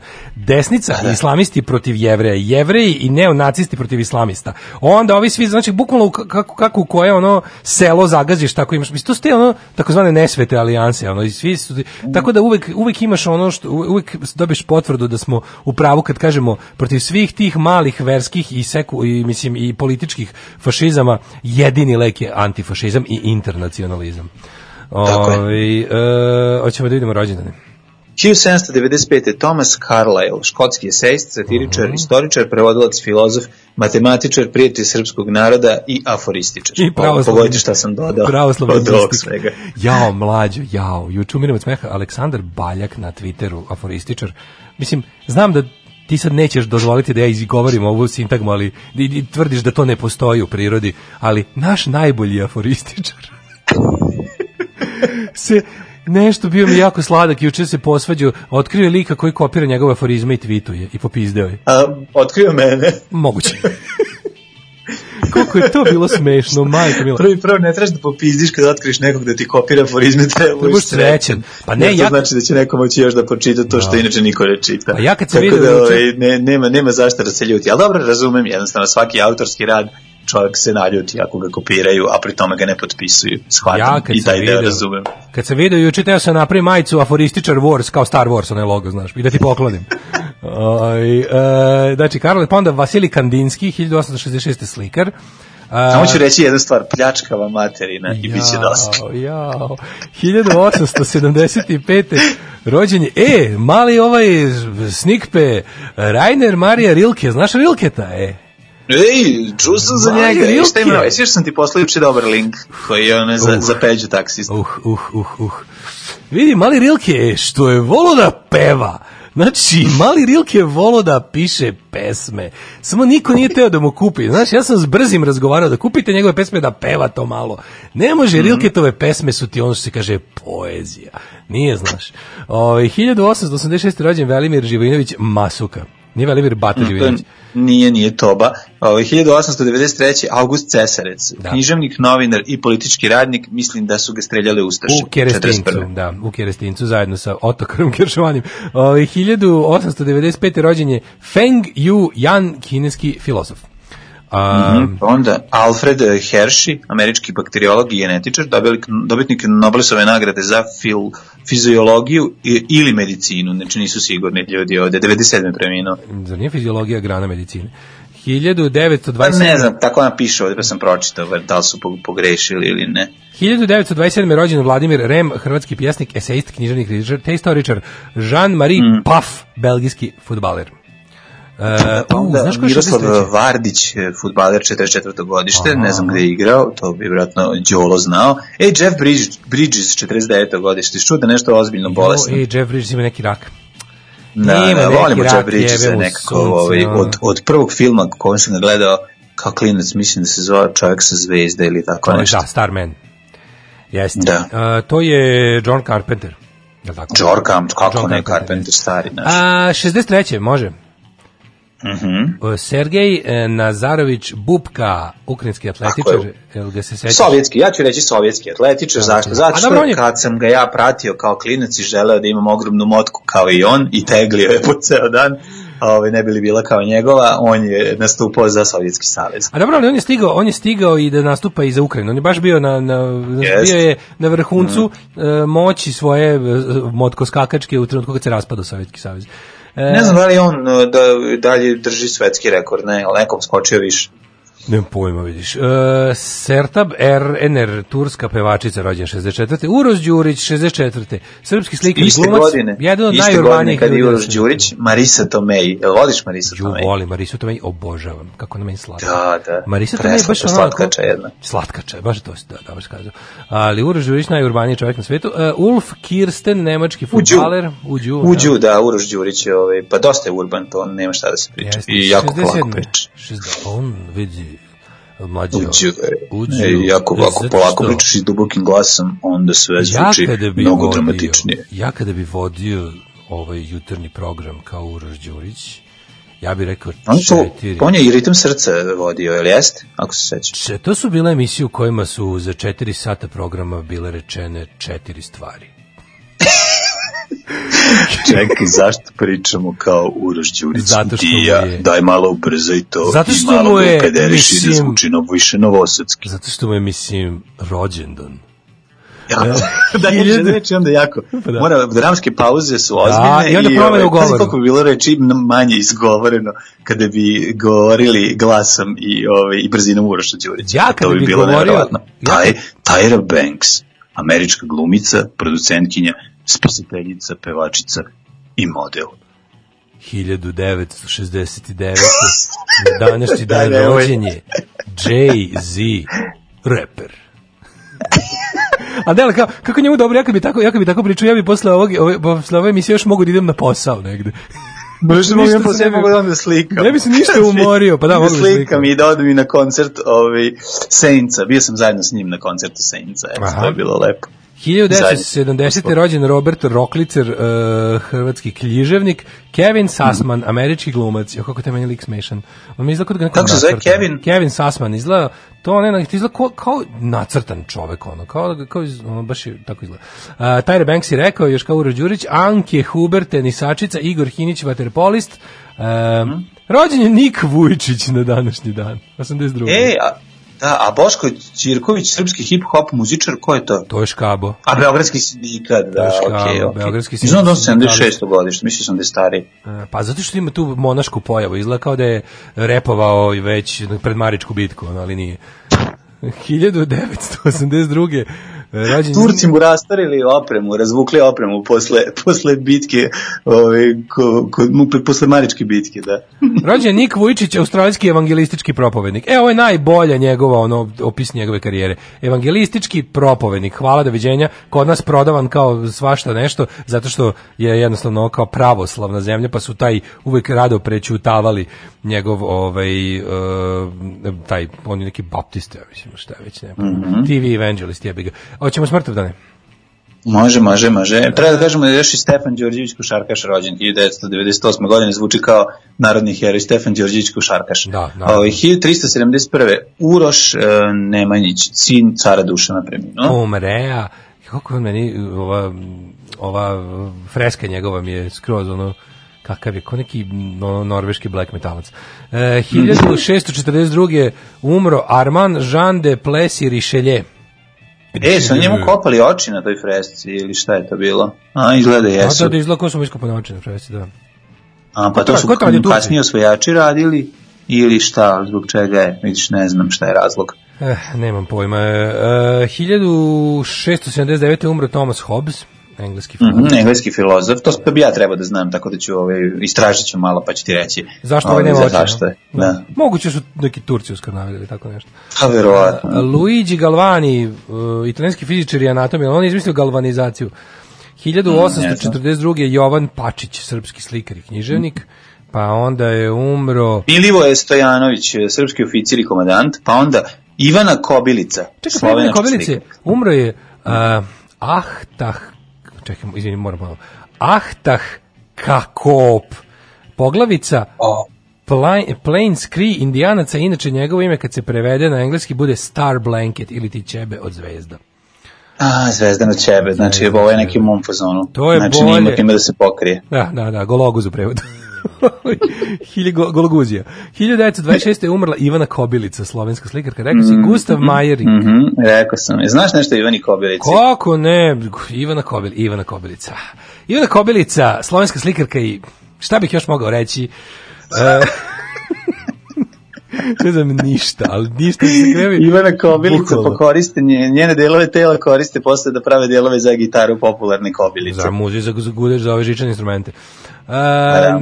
Gustav Majering, književnik, Stefan Georg, nemački književnik, Thomas Hunt Morgan, biolog i genetičar 45. umro, pa je umrla Ej, Hannah e. Arendt 75.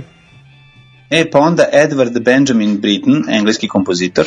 Stvarno, Britan je, iz, ja sam mislio da je Britan iz 19. veka, kad smo ga učili ovaj, u školi osnovnoj, kad smo Kako? slušali njegove kompozicije, zvučao mi je mnogo on kao star, star, staromodnije. Da. A Hannah Arendt današnji dan umrla. Uzmite pa čitajte Hannah Arendt, ovaj, mora se to pročitati. E, Tako je. A e, evo ga. 93. napustio nas je Frank Zappa. Proverit ćemo šta je to Zappa.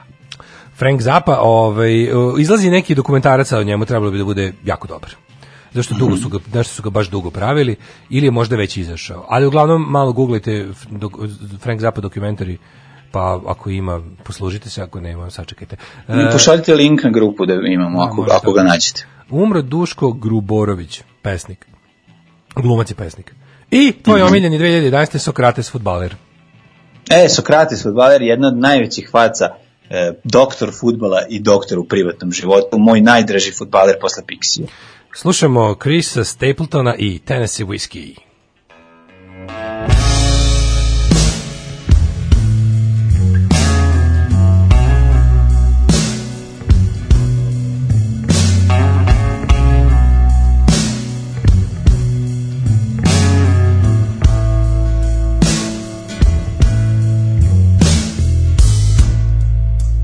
Used to spend my nights out in ballroom.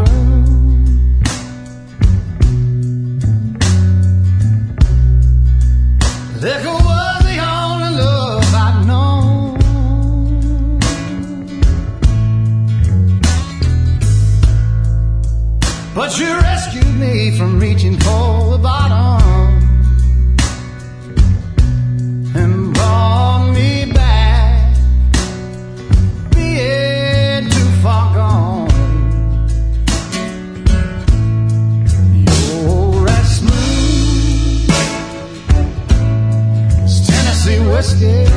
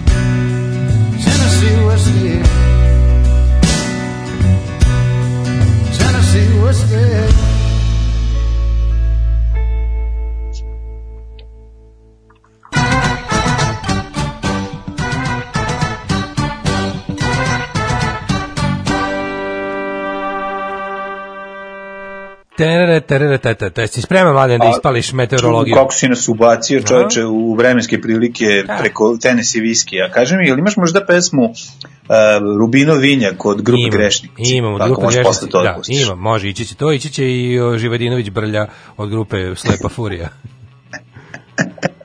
Blind Guardian, imaš možda pesmu Živadinović? Pa Živadinović imaju, pa da, oni su bili sponsor koncerta Blind Guardiana u SKC u 96. I Blind Guardian je tada ovaj, ostao bez svih svojih rodija i pevača i bubnjara. Mm, Sećam se Blind Guardian svirke, bre, zato što istovremeno bila svirka ovih uh, super sakarsa, zato Ja, se sećam. jeste, jeste, koliko to bilo smešno. Znači, mi pankeri dole, a metalci kojih je bilo 10 puta više gore. Ju, što ih je bilo više nego što su pevali svi be, ono, znači jedan kren da peva, ovi krenu terce, majko moja, kao hor pećkih dečaka, znači razvaljuju metalci. Zapamti uvek što će ti Čiča reći, nema posvećenijeg fana od metalca. Pankeri jesu tu negde na visokom drugom mestu, ali videlo se kada kada u sukobu u sukobu mislim u kako bih rekao uporednoj uh, u, u, ovoj prezentaciji panka i metala metal nas je počistio. Pa, pa jeste. Pa, da. Što mislim opet podržavam, znači nije važno, ložiti naravno, se mora, ložiti pa se sad mora, bio punk, bio metal. Ložiti Kad se, se neko mora. loži i trudi se, ne možeš da se ne pokloniš. Um, mladine, izvolite, odpalićajte. 3 stepena u Subotici, Sombor 2, Novi Sad 4, toliko i u Zrenjaninu, Kikinda Petarda, toliko i u Banskom Karlovcu. Kec u Loznici, Mitrovica šestica, inače u Loznici je magla. E, u Valjevu osmica, pretežno oblačno je i u Valjevu, i u Beogradu, i u Kragujevcu, i u Smederevskoj palanci. Ove, pretežna oblačnost je zapravo i u čitovoj Vojvodini, samo da znate ako niste provirali još kroz penđere. Ove, što se tiče velikog gradišta, tamo je četvorka, a crni vrh u minusu, minus pet i magla.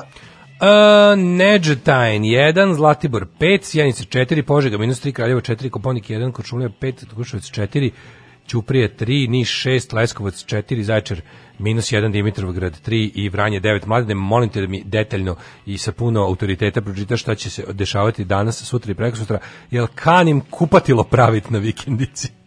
Ej, oj, pa mislim, paviš ga unutra, ne praviš ga napad. Pa znam, ali da nije to i to i u pitanju. Vidi, nije to i onaj, to i- ovaj, sa, sa ovim srcem izrezbarenim kroz koji ćeš da pljučka, pljuckaš koštice. Nije, ali Nego je, kako radi da ti pravo kažem- kupatilo. Bićeš zatvoren unutra, možeš da radiš. A to, ali bi bilo lepo da napolju bude bar nekih 6, 7, 8 stepeni, jer kad je napolju Ej, bilo, kad napolju bilo minus Maksimalno 5, dnevno bilo je i 10 unutra. Stepeniče, subotu A, to. 14, u nedelju 13, jedino što će biti vetrovito. Pa ja ću da znaš, se, dobro pa ja ću, ja ću mladen malo da se okupam tamo kad to završim, tako da to će biti.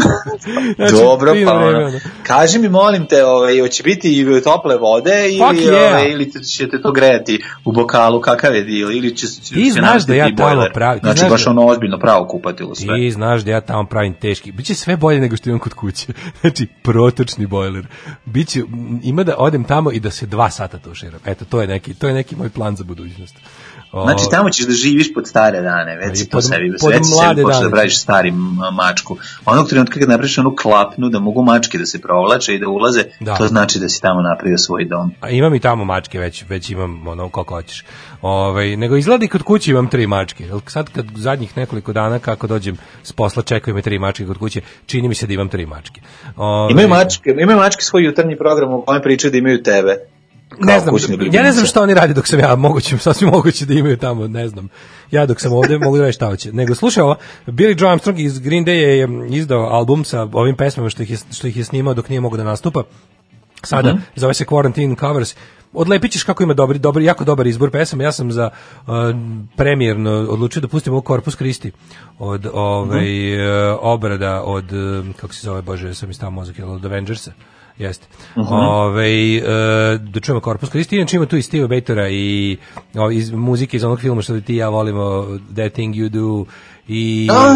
svega ima, znači, na- skini Quarantine Covers, ima ga i da se posluša i ceo po ovim dizerima i Spotify-ama, a mi slušamo Corpus Christi, Billy Joe Armstrong of Green Day fame.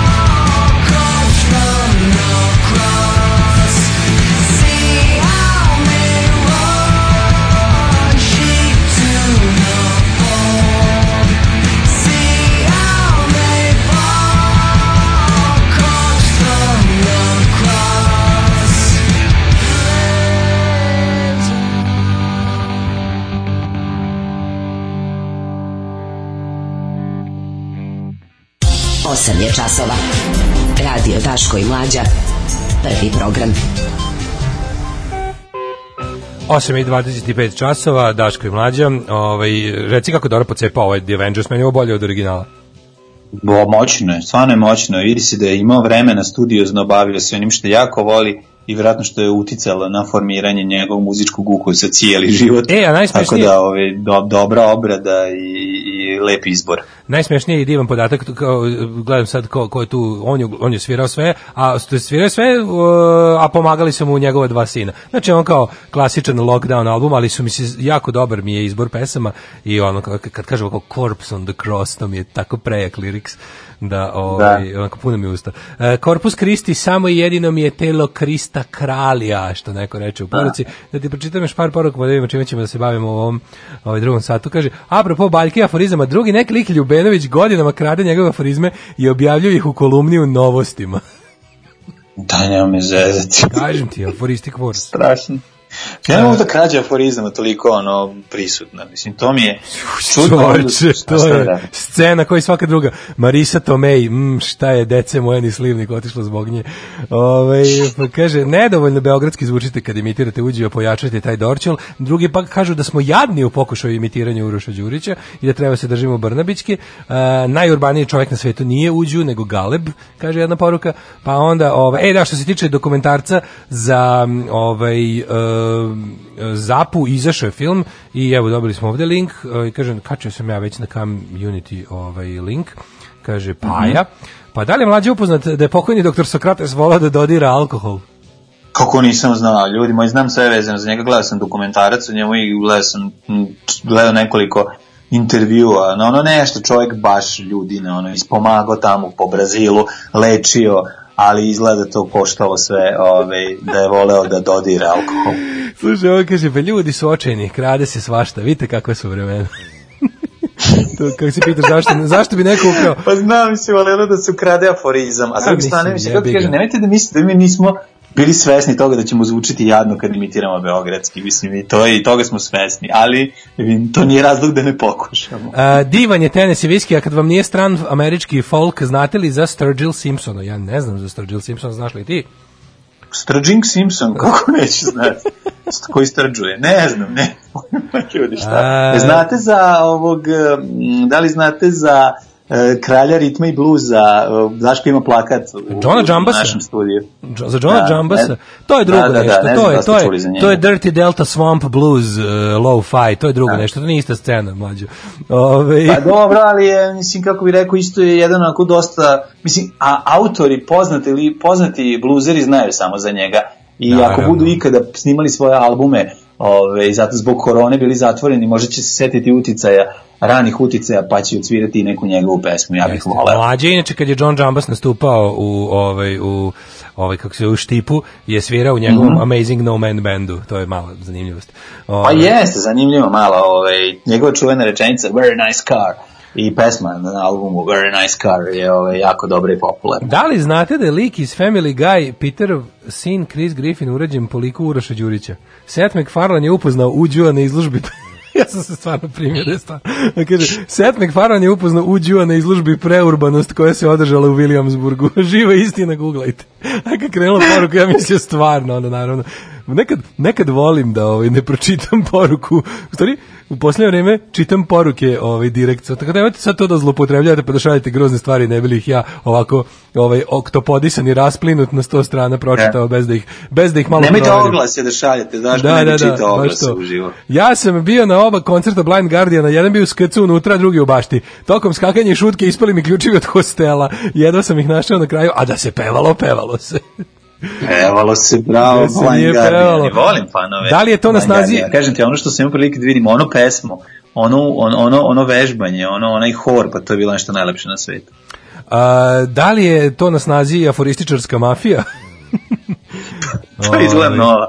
Znači, ona, zamislim kako ovaj, naša policija vežba upada na ono aforističarsku žurku sa onim partvišom. Aforističku žurku u autobusu. Pa da. Što oni drugačiji ne Pa, mogu da dođu, autobusu. da priušte sebi ovaj, kako se vlastito vozilo, nego samo eventualno Boost Plus. Pa sad zamišljam kako ovaj, akcija Ognjan 6 u kojoj ovi, ovi naše specijalne jedinice upadaju da oslobode otetog aforističara. Um, kaže, ja razumijem da je album obrada Billy'a Joela, ne, Billy'a Joa Armstronga. Ovaj, e, da, idemo sad u drugi sad. Moramo, mislim, znaš šta je jako dobro, juče je, ja moram da priznam da ga ja nisam gledao, ali sam posle siže pokupio. Sve juče, ja sam juče tako dobro zaspao rano i onda nisam ovaj stigao da da se ovaj pozabavim likom i delom predsjednika na televiziji, ali ovaj uradili su to za nas. Pa ću da koristeći Dušanove ovaj, beleške ću da vas maltretiram danas. Jesi ti gledao? Uh, ne, pa naravno da nisam, Pa ali da, pa ovaj, mogao, dušanove čoveče, beleške ću da učestvujem u ovom razgovoru. Pa mislimo imamo i mi dušu, valjda možemo nekad da preskočimo. Predsjednik, ja mislim da po ovom, kako sad vodim evidenciju, svaki treći ili svaki četvrti dan se ukazuje. Je li tako? Mislim na četiri dana, na Kaže četiri dana se pojavi. Pa da, sad je bila ova emisija, ja kad sam vidio, mislim, ja nisam znao šta je emisija zove četvrtkom u 9, jer se pre ta emisija zvala Upitnik, koliko ja znam. Ovaj emisija se zove četvrtkom u 9, pa kad sam vidio Aleksandar Vučić četvrtkom u 9, pomislio sam da će to stalno da bude. Razumiješ, da će to kao da bude njegova emisija, kao, ne, kao što Ugo Čavez ima ono, ili Castro, znaš, ono gnjavljanja ljudi od po nekoliko sati, ono, izađe pa im priča, ono, kao kako je sve super, ono, o, Pa da, da. da im zavara glad malo. Ove, e, kaže, a kad je Mićko pokrao mlađu, a jednom i Daška, ima krađe od aforističara amatera od ovih glavatijih, vidiš ti to? Stvarno, šta Moram sam... još jednu stvar da. Stvarno to bilo, ne, da, ne, morate nekada znate da ne mora da se desi krađe. Nekada ljudi dođu do iste ideje na različitim meridijanima. Setimo se samo ovaj, kako je Darwinova ideja o evoluciji ovaj, se razvila na drugom delu sveta isto o, potpuno nezavisno. Tako da moguće je da su ljudi koji slično razmišljaju dođu do istog fazona, ovaj, pa onda pitanje je samo ko će ga prvi objaviti. Kaže, isto tako je na osnovu Sarapa imao inspiraciju za Petera Griffina, Seth MacFarlane. Da, ovaj, slušamo Michaela Monroe. Ajde.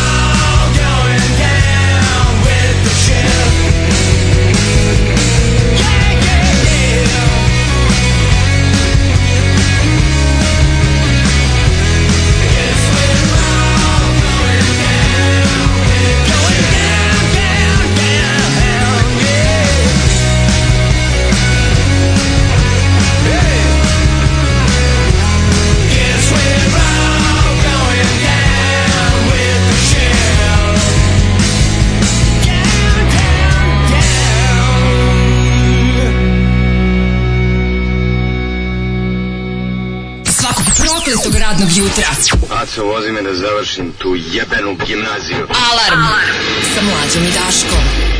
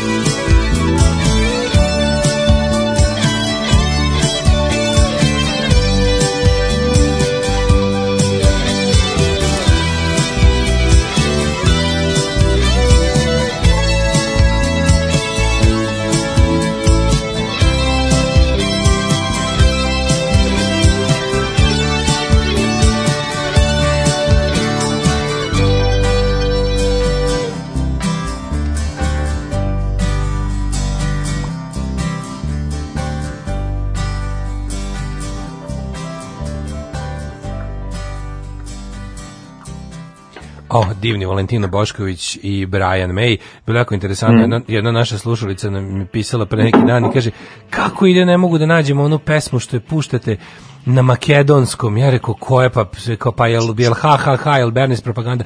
Ma nije na makedonskom neka, neka pesma, nešto solo, je rekao, Valentino Bošković pa je kao sad je lova, jeste, kome ovo liči na makedonski, to mi je bilo potpuno genijalno, kao. On nije čuo nikad makedonski, A da ja uvek, kao- davno čuo, možda podsjeća ja se uvek, da, ja se uvek sam nešto ubijem kad mi neko traži neku pesmu, zašto ja to kao, znaš, kad ljudi primete neku dobru pesmu koja se sviđa, čuli su je kod nas, ja sam onda u fazonu kao, ma nema, kao u tri noći, u tri noći, pitajte slobodno, kao naći ću vam koje, je. sve mi je nešto drago kad ljudi Naravno, nađu neku dobru jako pesmu. drago, pazi, to. Persepolis Biz Da. proširilo se u emisiji, pa sad imaš Ja, nekoliko volim, baš volim, ono, volim kada mi pa onda je- se ove sa Bokijeve liste, isto brdo nekih stvari koje ono kino i ono Korovi, grupa Ja, to Korovi ili kako se zove, pola te nekih ruskih obskurnih iz 80-ih koji su super hitovi, a eto, ove ljudi imali prilike da čuju kod nas, pa se na Ovaj, sreći. Kaže, kad kaže gole guzice na bicikleta, male bezobrazana presladak, um, uh, kaže, molim te da se koriste Marinine i Dušanove beleške. Da, koristit ćemo sve, e, poštapat ćemo se mnogim, da, Marina i Dušan zajedno odrade, jer predsjednik toliko sipa istina brzinom munje u jedinici vremena da to stvarno ni jedna osoba ne može sama da postigne, tako da u posle nekoliko ovaj, njegovih sipanja munjevitih istina su se udružili Marina i ovaj, Dušan i onda to, to bude potpuno pokrivenost. Mislim, to je kao lepše nego gledanje prenosa umetničkog klizanja ili recimo pesme Eurovizije. Ej, samo da kažem za Valentina Boškovića, to su dva čoveka. Imate mali dokumentarac o tome kako snimaju, interesantan na YouTube ukucajte. Da, fore je što je to, oni pevaju na tom nekom e, dijalektu bra, bračanskom ili bracanskog, kako oni kažu, ali uz, mno, uz mnoge izmišljotine njihove lične, pa to bude potpuno jedan genijalni i ovaj jezik koji oni ovaj, koji, u kom oni te sve svoje ludosti prepričavaju. Ove, kaže, pljiži vrte onaj tweet mog brata od ujne uspeha o mitropolitinu Dabro bosanskom hromozomu. A, naravno nepotpisan, posle mi taj tweet dolazi kao bumerang po Viber grupama od raznih ljudi. E, jednom izrečena ovaj, misao postaje vlasništvo celog čovečanstva, to je moto ove emisije.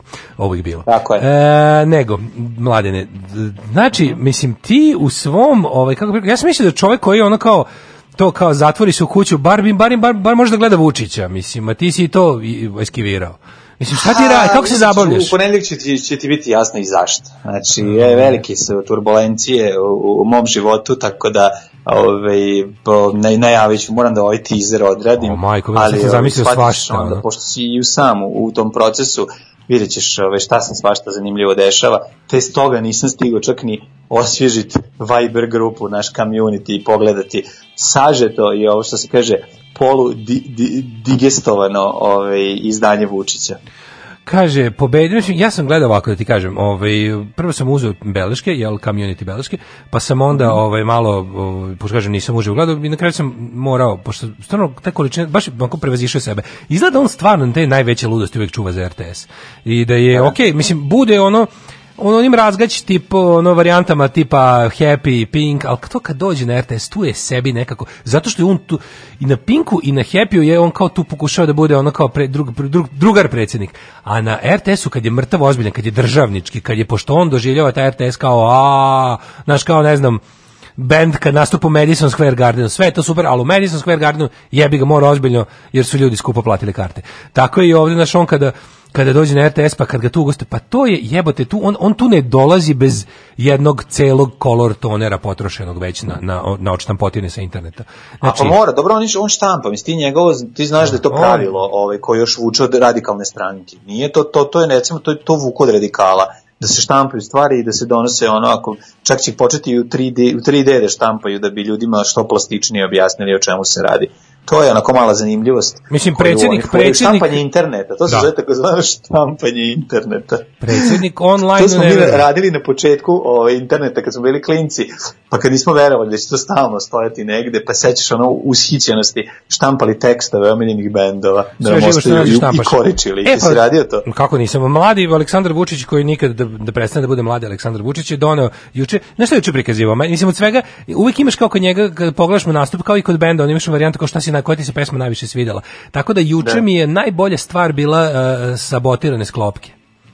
Znači, ko je to ludnica bila, majko mila? Znači, kako mu je to palo na pamet, ja stvarno ne mogu. ono. Znači, prikazivao je, e, od, od ovih, od štampotina je pokazivao kako u ovaj, mm, e, neko sabotira zdravstveni sistem Srbije dok on pravi bolnice i otvara, pogledajte šta rade ljudi, a sve onako nekako to kako on to navikao, a i onda, i onda kroz to dodaje i sledeći kao tipa, pogledajte ovo, i onda i vadi ove od štampotine i kaže, ovo su spaljene sklopke, mislim, ono kod osigurača, znaš što je sklopka? Ono, ono što Znam izbaci. kako neće, Znaš, pa mislim kutija, kutija sa osiguračima. A sklopka, ne, sklopka onaj deo koji izbija, Da, da. kod ovih modernih, kod ovih modernijih ovaj, osigurača ima deo koji služi da izbije, da, da napravi veći kuršlus. Kao. Mislim, to je mera, sigurnosna mera. I onda je to neko kaže... Pa, neko, sklopka sada nema više osigurač, nego je sklopka osigurač, pa ona padne, Ono što tako da, pre, da, ovaj, kao zove, blok. prekidač se spusti i Jeste. onda ga ti ponovo vratiš. E, mlađo, da li ti da veruješ? Da li ti veruješ da u našim naporima vlade Srbije u borbi protiv korone postoje neki mi je mrzitelji Srbije koji su u, bolnicama zapalili sklopku i on ima i bije i policija rade na tome. Šti ko je to bilo lupetanje? Onda time o tome time je uzeo nekoliko minuta o tome da on pri, da se prikaže kontrast između njega koji danonoćno radi, zida bolnicu. Znači opet je bilo preterivanje. Znači ti ne možeš da veriš bolnica, bolnica u Batenici košta 1200 evra kvadrata je bol, bolnica. Mislim kad bi da kupiš sve da živiš u bolnici sad. Da, da, da. Moraju Da. platiš 1200 evra kvadrat. Ovaj i, i kao e, nije bilo nikakvog ugrađivanja za nje, on ne može da zamisli da bi se neko ugra. On njemu je koncept ugrađivanja nepoznat. Znači, kaže ja ne mogu jednostavno ne- dozvoljava sebi da pomisli da je moguće se neko ugrađuje kad se nešto zida. A pogotovo Pa bolnica. ne, ali ta njegov, to njegovo spurenje siromaštva koje on stalno fura, on će kraju ko mujica da ostane ono sam u, u, u ono bubi iz 72. godine i sa psom sa tri noge. Vidjet ćeš, on, on fura to svoje to, to, to, to svoje svetosavlje kao e, na kraju stvarno će se zamonašiti ja ne znam ako nastavi ovako a druga stvar ovi, vezana za, za te ovi, sklopke i za to to prosto ovi, možda ti likovi koji pale te sklopke, možda su to isti oni koji su postavljali ove lokatore za vreme bombardovanja. Znaš, Da, da, nekako da, da, da. utisak To je tačno ta priča, to je se ta priča, to je taj narativ. O nekim stranim agentima i nekim ono zlim, ne znam za koga rade. Ne znam da će biti otkriveno da radi za Đilasa. Već Pa nego za koga rade, mislim, za Gojka Đilasa. Ali, ovaj, kako se zove, ali mi je to prosto neverovatno. Znači, pored svih napora postoje zli i pokvareni ljudi koji ovaj, sprečavaju to time što pale sklopke. Pa ja ne znam što je neko loše bili? povezao. Znaš ti ovaj, mlađe, da, da, pa izgorela. Znaš ti gde bi mi bili da ne pale ovi Đilasovci sklopke? Znaš ti gde bi Srbija bila? To bi bio BDP, znači to je meni neverovatno, znači kod nam kod nas stalno ili su ovi nadnaravne neke ovi ra- razlozi verovatno ono parapsihološki Ove, ili jednostavno usud, to je ono treća stvar koja kod nas ne ko nas zavadi, ali najčešće su zapravo neki zli tajni agenti ovi, koji rade protiv, protiv Srbije. Zapravo protiv Vučića, što je i protiv u Srbiji. Sklopka mi je onako, kažem, Sklopka mi je bila od svih pesama koje je sinoć, bila mi onako kao, nisam je očekivao, dosta mi onako, kažem ti, bila je kra, kao neka kratka između njegovih tih kao pesama koje imaju i solo na gitari i na bubnjevima i traju po 6-7 minuta. Sklopka je bila onako mala punk pesmica između, onako, basic rock and roll stvar. Ali ipak stvar koja je verovatno, ja mislim, fanove razjarila, onako, ostavila najjači utisak je bilo kad su se dotakli lečenja dece. Bog te jebo. Znači, da ti vidiš taj- bezobrazluk i to, to, je, to je govnarstvo kako se Mislim, to se tako se ne može roditi, to se mora doš, mora neko doškolavanje u ovaj u, u domenu govnarstva da padne da bi da bi bio toliko pokvaren. Znači, on je razgovarao telefonom sa majkom male Anike Manić za čije lečenje je sakupljen novac. On je to izjavio, za njeno lečenje je sakupljen novac. Ti kad to slušaš, ti bi rekao sakupljen novac, zašto sve što on priča je hvalisanje. Znači, način njegovog tog lažovskog pokvarenog spinerskog govora je bio zato da je već zato devojčicu je sakupljen, zato devojčicu je sakupljen novac tako što su se građani organizovali. Znači, Tako, a ne tako država, je da, sakupljen da, da, novac. Ali on izađe i kaže za to je sakupljen novac jer meni je, znaš meni, meni je prosto neverovatno, on ne zna čovječ, on zna, ali on gde on nas potpuno razlupa i porazi je kada stvari da su se ljudi organizovali jer države nema ili je boli dupe i onda to nešto urade i sad kao tu sad bude nešto. I hoću da kažem da je ono super što uspeli smo i za onog malog jednog sad se sakupljaš valjda za onog malog za onog Mihajla je sakupljeno sve što treba. Pa je onda ovaj za Aniku je sakupljeno, znači sakupljeno. Ljudi su stvarno ono se razvaljivali od donacija o- ovih nekoliko Da. nedelja Yes. jer o tome su svi pričali, svi su davali, svi su da i što je, što je najbolje bila je situacija takva da nije bilo ono kao svako pomalo, nego bilo je boga mi svako po puno. Jer da se sad ono da se ne hvali da, da se ne hvali samo svi lično, ali ja mislim da ono kao, ubeđen sam da svi koji nas slušaju su roknuli više od 5-6 poruka. Što već ono kao za običnog čoveka puta toliko stanovnika spada u zaista veće lične donacije, a da ne govorimo o ljudima koji su, koji su bacali ono i ozbiljne ono kao svote ovaj na, na, na račun što je super. Ali ovaj on, onda on izađe i kaže, onda izađe i kaže sakupljena su sredstva. Znaš ono nije baš Da. okej, nije nije baš izgovorio mi mi kao vlada smo sakupili, nego onako govnarski se uvukao u fazonu kao ono kao, pošto je on država, on je i narod kad treba. Osim kad narod treba grditi, onda nije narod, ali kad narod nešto uradi vredno divljanja, onda, onda se on tu ubaci, razumeš, kao, znaš, kao, i, on, i on bi tu nekako da pokaže, pošto sam, znate, država, to sam ja, i narod, to sam ja, jer ako si protiv mene, protiv naroda i države ste, što se u prethodnih dana pričalo po skupštini, onda je lepo To ti je ona pokazao varijanta, doći ćemo tu kad su medalje, jel osvojio neko nešto, u super, sad si osvojio, sad ćeš doći lepo se slikaš sa nama, to je sad ova varijanta. Smo sakupili pare, u super, sad ću ja doći, pa ću neodređeno da kažem da je sakupljen novac i time će ono 96% ljudi koji me sluša da, da ono skonti da, sam, da, smo, da je to uh, Republi, vlada Republike Srbije sakupila, Ali a ne čekaj. ono da je realno narodu izbijan, mislim narod se or, samo organizovao i iskupio pare. Ali čekaj, nisam stigao do govnarskog dela, ovo je bio samo uvod. Znači, ovo je simfonija govnarstva bila, ovo je samo bio lako gudački uvod, sad kad se uključi ceo ovaj, onako, orkestar, plja, plj- plj- pljušte, pokvarenjakluci, laži i gluposti. Kaže ovako, n- neretko čujem kako je kao kako je strašno što mi ovde de- lečimo decu SMS-ovima, ovaj, ali ja moram da vam kažem kao e, to, to, se, to se dešava i na drugim mestima u svetu i čak mnogo više nego kod nas. I slušaj sad ovo.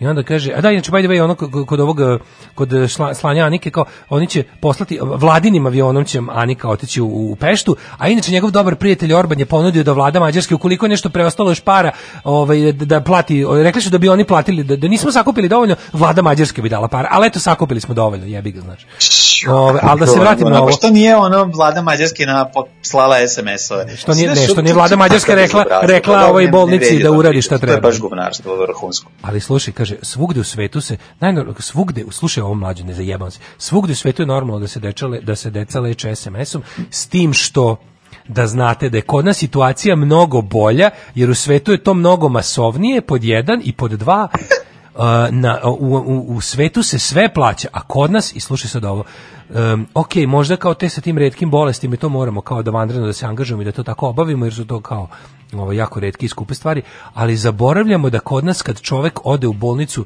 dobije sve besplatno.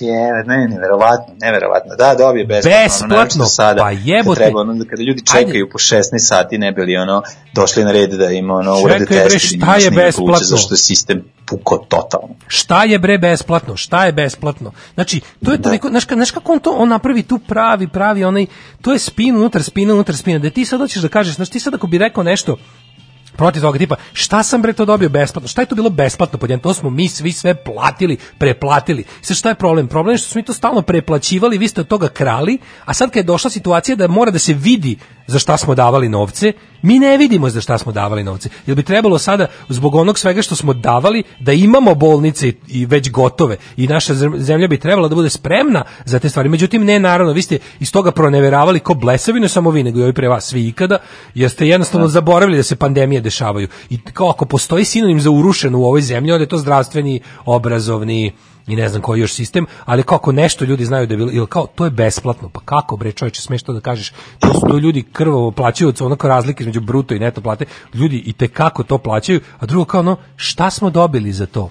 Prvo nije bilo besplatno, bilo je i tekako splatno, a drugo, šta smo Da. dobili za to? Dobili smo ono entuzijazam lekara koji rade o, ono kao kako bih rekao ono maltene mimo države a ne u, a, vi- više uprkos njoj nego zahvaljujući njoj Pa naravno. Pa ne, dobili smo to da na kraju on uživo u programu ono proziva doktora koji kaže da je situacija kritična. Mislim, to je jezivo, znaš, ono, ovaj lekar mu je rekao, kao, ajde, izađi na duel ako smeš. Naravno da neće izaći, neće se to nikada dogoditi. Mislim, on će u sigurnosti svojih, ono, prcija u, u- na Pinku, na ovom, kako se zove, na Happy-u i, i na kraju, pa i na RTS-u, gde je ono, kao, najzvaničniji, da ono da tako gnoji da priča ja da laže mislim to je samo znaš kao ti- to, to je toliko pokvareno znaš da ti dođeš i da kažeš sakupljeni novac jer to tome ne kažeš da je napravljeno. A druga je stvar, to novac. teška laž da ljudi u inostranstvu, to oni stalno lažu, to je njihova, oni drže ljude zatvoreni. Činjenica da ljudi ne putuju, nemaju mogućnosti da nemaju para da se maknu, da nemaju mogućnosti da vide, je ono zaš, na osnovu čega, ono na osnovu laži i obmane drže ljudi zatvorene zatočenike ovom državom. Znaš, oni mogu da ih lažu, tako da im pa- plasiraju priče, kako ne znate kako je u Holandiji, pa znaš, on, on izađu tako i ne lupetaju, sjeti se samo koliko je puta ovaj, gradonačelnik, zamenik gradonačelnika Beograda imao izjave koji su ono totalno, šta pričate kad je tako i u Amsterdamu i u ono Njujorku i ono onda ti odeš, pogledaš ono svako ko uradi tri klika, ono na Google vidi da, da to zapravo nije tačno. A on ispali tu laž i boli ga dupe i kreće dalje. I tako i da, tako i ovaj. Jednostavno, lažna, lažna, lažna laž ljudi su potpuno zbunjeni, znaš, ono, više jednostavno je, ono, utrnuli. Od A ja toliko često- lupetanja i laganja, no, ono, čovek u Srbiji je utrnut. Više, jednostavno, ni- niti ima mogućnosti da se digne, niti da shvati, jer ovaj, jer ovaj ga zatrpava, ono, jednom, jedna laž ide na drugu i to je ono na kraju više si zatrpa, ne možeš da se izvučeš. Ja često tako zamišljam kada on nešto tako tresne i kaže, uvijek pomislim kao, znaš, igram se ono njegovog plaćenog savjetnika, kao zar mu ne bi bilo bolje recimo da je izašao juče, da to da je izašao i rekao pošto kao fakat je istina recimo da se 423 deteta leči o trošku države od tih retkih bolesti. Znaš, pričali smo o tome šta su retke bolesti i zašto je to zajebano. Da, Finansijski u svakom drugom smislu i medicinskom zašto to košta toliko koliko košta, ali okej, to je za- to je stanje tako pa je tako. Ali i ima vlada Srbije nije nije sad da ni jedno dete. On je naveo da je 423 deteta od 2013. do 2020. Prvo, to je jako malo. 423 deteta za 7 godina je sramotno malo, pogotovo kad se zna koliko vi kradete, po jedan i po dva, u kakva sranja od lažnog javnog značaja ulažete nikada ne pitavši nikog od nas da li vam to treba. Ne možeš da imaš jebeni spomenik onom one one ono, ono sranje od spomenika i ne možeš da imaš nikakve te i ni nacionalne stadione ni jarbole ni ostale gluposti koje pravite dokle god imaš ovakve stvari. Znači to jednostavno nije u redu. Prvo napravi ne, ne može pre kanalizacije ovaj najsavremeniji ono laserski balet na u Beogradu na vodi. Znači ne može. Ali on bi koliko bi on ispao recimo juče ljudski i bolje bilo šta da je rekao svaka čast građanima Srbije koji su solidarno shvativši da su vremena teška, znaš, mogo je tu nekako, mogo je mnogo manjim spinom da, da, da nekako ispadne čovek i da kaže, znaš, ali ne može ludak, ne može ludak da ne ubaci sebe i svoje. Znaš, i to je ono problem. Ne može da kaže, ne može, jebote. značilo da, da, da to ne kontroliše. Kako ti nije Da, jasno? da, da, da, da, ovako, će, da, da. ovako je dvostruka korist. Ovako će 96% ljudi verovati da su oni skupili pare. Da. Jer ovo kasnije što je pričao nema veze sa ovim pre. Jednostavno ljudima će ostati skupljenje novac. Tačka. znači nije, nije Za- slagao za da je on čije li da, skupio, sakupio a nije se ni ogradio, naravno, jer je to iskoristio da bi ljudi poverovali da je novac sakupljen. Meni je to toliko to, to, bilo- Čisto bezobrazluk, onako baš o, dobar primjer bezobrazluka. Ali kažem ti kao da je znaš ako svaka čast građana Srbije, ovo je bilo divan primjer solidarnosti u teškim vremenima kada je da zdravstveni sistem preopterećen covidom, bla bla. Nešto je mogo, znaš, mogo je da mogo je to da kao mogo i onda i onda bi tu stvarno nekom ono kao is- ali to meni je nevjerojatno koliko taj čovek ne može, nije u stanju. To je kao da tražiš od mene da budem visok, lep i plav. Znači kao ono ne može. Jednostavno kao ne postoji ta opcija. I ko- koliko je to za njega nedostižno i koliko se koliko je njemu uvek primarna direktiva održavaj laž, održavaj laž, sve što imaš, sva sredstva, sve ulažemo u održavanje laži. Please tell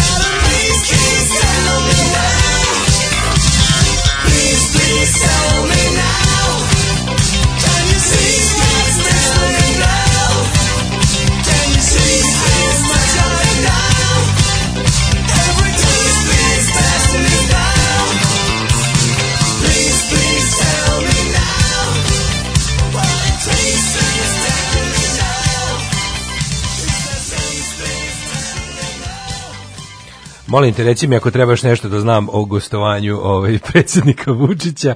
E, čitamo malo poruke, može. E, Može, može. Kaže, rusku muziku preskočite, ali koja vam je ona pesma koja počinje sa monologom Night Ridera iz pobešnjelog Maxa broj 1. To su Demonics i Fuel Injected Suicide Machine, tako se zove pesma. Em, kaže, em, dobro je što samo sklopku izvadio. E, Kaže, molim vas, nisu sklopke osigurač isto sklopka, Fidovka izbacuje kada dođe do spoje faze ili nule sa uzemljenjem, osigurač izbacuje kada se faza preoptereti, pa kaže, ovaj, predsjednik je bukvalno spojio na masu, što se kaže. Ovaj, A dobro, nije- više, narod, narod je fasciniran činjenicom da ovaj, zapravo postoji sklopka, da ne klasičan osigurač koji se ono licni kad pukne, znaš, tako A da, da, to, to je, to, je, to je tu je zapravo on dobio još taj jedan moment iz budućnosti se javlja ljudima. Videli smo taj moment pravdanja kvadrata bolnice od 1200 evra, što neko reče, Da. kaže, nije ovaj, Vučić Mujić neće završiti u manastiru, njegova, de- njegova odeća svakog dana košta ko 5 kvadrata bolnice. Um, kaže, ljudi, kakve sklopke, nisam u toku, ne gledam TV jedan dan i već se plašim. Um, muzička podloga za paljenje sklopke iz đavolom kule, gradim, kockam se svašta, radim kule, gradim, a vihor ih ruši. Um, kaže, ovaj, e, nikad kraj ideje nije bio dosta jedan Đilas, morali su smisliti još jednog. Ja moram kažem da mi je bilo juče smešno kad je Dragan Đilas Ovaj, Rekao da mu je brat rođen. to je stvarno bilo jako rođen. smešno na Twitteru. Samo da znate, danas je Gojko rođen. To je, meni je to, e, to je meni kao taj moment, znači, sad kao, možeš da pričaš sve kao, da nijedan, ni Đilas meni ne, ne deluje kao lik koji onako, on mi nije people's people, ono juče je bilo nešto nedostižno Aleksandru Vučiću. Pa znači, naravno, taj ono, kako će to da objasni, ali Znaš. meni je smešnije, mislim, to, ta varijanta, ono, kao ono Gojko Magla od min- ministra Magle, Burazer. Pa, je smešno uopšte što se zove Gojko i sve to, Sve i da je, što da. nikad, nikad nije čuo, ja ne znam da li iko čuo za njega do pre nedelju dana. Mislim, ajde, ja mislim da ljudi ne znaju za njega uopšte. Kaže, ste primetili kako Vučić nema nikakav talent izad politike, ne, ali što je najsmešnije, on, on izmišlja svoje interesovanje i talent izad politike. Realno ih nema, naravno, ali kaže, ne ima nešto, neko pevanje, pisanje sportovima, neki Enstvo Tadić, neki bili opasni rokeni poput Tome. Kaže, to je dokaz da je Vučić zli netalentovani robot.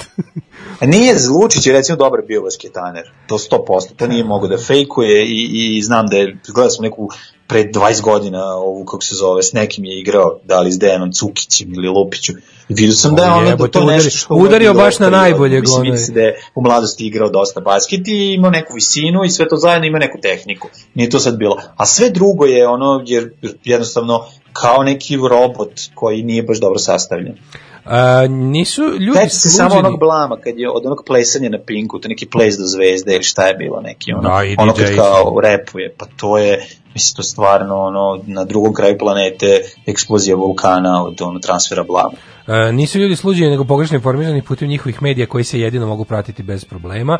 A njega ne zanima da se pokaže kao čovjek nego kao bog. Onda ispadne čovjek. Pa kako hodajući skup kompleksa da ispadne čovjek? Pa nemojte da se zajebavamo. Ovaj naravno da mu je nepoznat koncept jer se Bata ugrađuje za obojicu. Očigledno jedina istina koju je SNS napisao za 9 godina je Vučić za Kovin. Ove, e, pa kaže, ja mu verujem, batajnice je to, čerupaće oni to za mjesec dana. Kaže, da je bio dobar Draliga u bloku 45. Pa to ja isto mislim, to kao, bio je, bio je visoki kao, znaš, ali to njegovo igranje košarke, meni isto kao i sve, znaš, ono, nije to, on je bre čoveče, znaš, kao, nije, nije to talent za košarku, nije to, to je, to je ono, visina i, Pa, i ne znam šta. Dobro, ima je nešto, malo ja, bolji. bre, Ajde sad, a- eto, znaš, a čekajte, da kako da vina- nešto kako vina poznaje? Advokat, nešto ću pokušati da nađem, eto, to sam probao da nađem, zašto sam mi se činilo, ali ajde sad da ne pričam, verovatno bi da je imao više talenta nešto i, u tom polju stvari. Ovako jednostavno nema. Oni što kažu ljudi, to jeste ono, to je satkanost od kompleksa i to se vidi u, nastupu svakom njegovom. Isto ne Jeste. može se sakrije. Kaže, ne može da izgovori su građani sakopili novac jer sumnja da je možda donaciju uplatio neko ko nije glasao za njega. Pa bi, ako bi postojao jedan ono promil naroda koji prezire u toj akciji, on ne može to glasno da kaže. Ove, em, ajmo da vidimo, ono juče smo se pitali, ja sam se pitao e, zašto, zašto se Đuka pušta. Da, da li kao, da li je Đuka bio vesnik ono frakcije u partiji, da li je to bio p- pokazatelj toga koliko je Srpska napredna stranka jedna pluralistička organizacija, da eto ne slažu se svi o svemu u svakom trenutku, naravno to nije tačno, nego je ovaj posle Vučićevog govora, ti, ti vidiš da je Vučić zapravo juče u ovaj e, tom gostovanju na RTS-u krenuo malo da, mislim on to već duže vrijeme radi, ali ovde konkretizao, ovde malo, pošto ipak to što ti kažem, RTS je ipak mesto s kojeg se upućuju zvanične ono Ovaj, Mhm. te, te njegove ono kao, kao da li ćemo skrenuti levo ili desno ili ćemo ostaviti pravo. Ove, juče je pokazao onako malo, malo je oladio s bakama i dekama, a više se ovaj, fokusirao na naš, ovaj, kako bih rekao, posrnuli e, ekonomski napredak zbog e, korone. I kao, Mhm. znaš, da bi Srbija ipak bila prva na svetu i najmoćnija država na svetu, kao što svaki gledalac RTS-a i čitalac informera zna, to morat ćemo malo izgleda, malo manje, mislim, i dalje ćemo mi to sve, ali ipak je Đuka bio pušten ovaj kako bi se rekao, kao probni balon da se vidi kako će Mhm. to proći u narodu da ovo što u budućnosti treba da se odradi a to je ipak ovaj em, prazna kasa koja nam preti. Koja nam se već desila da se ne raž- da se ne Hoće, misliš da u preginom fazonu da bude para, ovaj, a i da se kašljuca? E pa to, da se te prešlo se, pa boga mi, preći će se na full ono kašljanje ako treba i onako treba i Branko Radičević kašljanje, a zato što ovo brinjanje o bakama i dekama je lepo i okej, setit ćemo se opet njih pred izbore, ali sad malo ide i ta zima koja je eto već baš hladna i možda bude i duga, a, a para ne, a para nema, nema, tako da je Đuka bio u stvari ovaj, zapravo um, nekako taj, kako bih rekao, buffer između kriznog štaba i ovog sada da se stvarno ti vidiš ove mere, ove mere koje su smejurio, mislim, ono kao,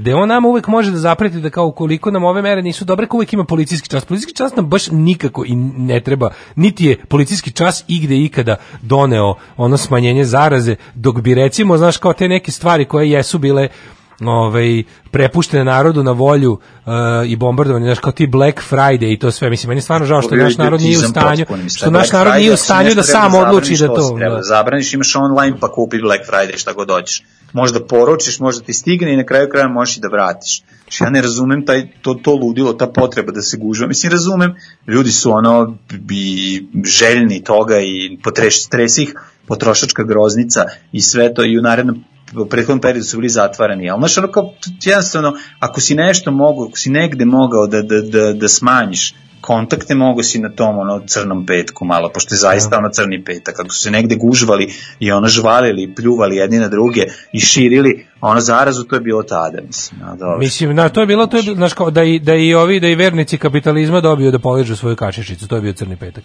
I onda je, Pa da. ovaj, bukvalno, ako, ako, su, ako su tržni centri crkve kapitalizma, tamo su se gurali vernici kapitalizma da malo, da oni se malo pričeste a, svojim popustima. Znaš, jeste, meni je to stvarno poražavajuće, jer ja kao, ono, ja kao čovjek koji veruje u, u čoveka, mi je ono kao stvarno bilo tužno da da ljudi ne mogu da iskuliraju da, da je ono kao da je, da je da je nekoj osobi ono naš neka haljina na sniženju preča od zdravlja nje i njene okoline i njene porodice to mi je potpuno onako neshvatljivo ali dođem do, do poraznog toga da znaš kao okej ne treba da živimo u državi u kojoj će sve što je ono zabra, sve što nije zabranjeno obavezno ili obrnuto ali ono jednostavno mi je nekako ovaj tužno države države stvarno to podsticala. Znači sa onim glupiranjem otvara se BG galerije, kako se zove onaj debilni tržni centar u kom ništa nije završeno, gde su ono docrtali radnje za potrebe otvaranja bukvalno.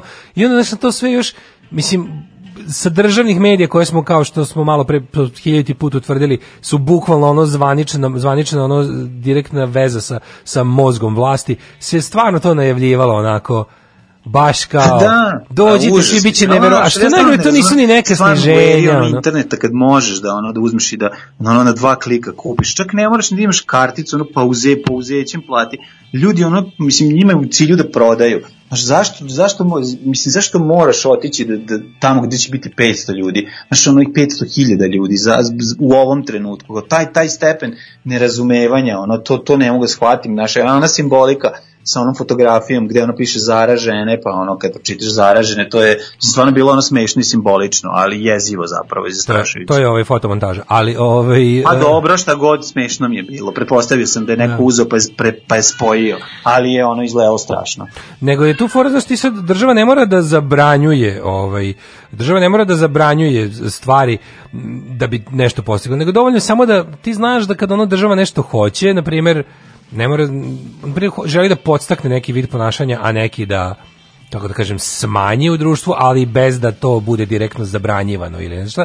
Država nađe načina, jednostavno pronađe način da, da ljudima objasni zašto je, ako hoće neku kampanju spreti, pa primetila da su svi ljudi lupam gojazni, da bi trebalo se povede računa da deca jedu zdravije obroke. Znači, država zna kad to hoće. Ovdje je država želela da, da- i da stisne i da prdne i da u isto vrijeme, znaš, kao imamo, ne znam, u 8000 zaraženih u jednom danu umrlo, umrlo 60, većina pacijenata su, ne znam, koji dospiju do bolnice su već u teškom stanju, a s druge strane, znaš, kao imamo tu poruku, a onda u ekonomsko-propagandnom delu imamo ono, idite u tržne centre da, da dišete svi zajedno e, filtrirani vazduh, znaš, i to je ono, naš hoćeš da kažeš da možda, da možda država veruje u tog pojedinca koji je, koji je ne znam, svestan i to, ali na, nažalost, ako ga ostatku vremena gaji poslušnika i, i, i, i sluđenog po, poplašenka, normalno da će taj da radi ono što vidi kao, moje, kao što, što mu ona država preko televizije preporučuje.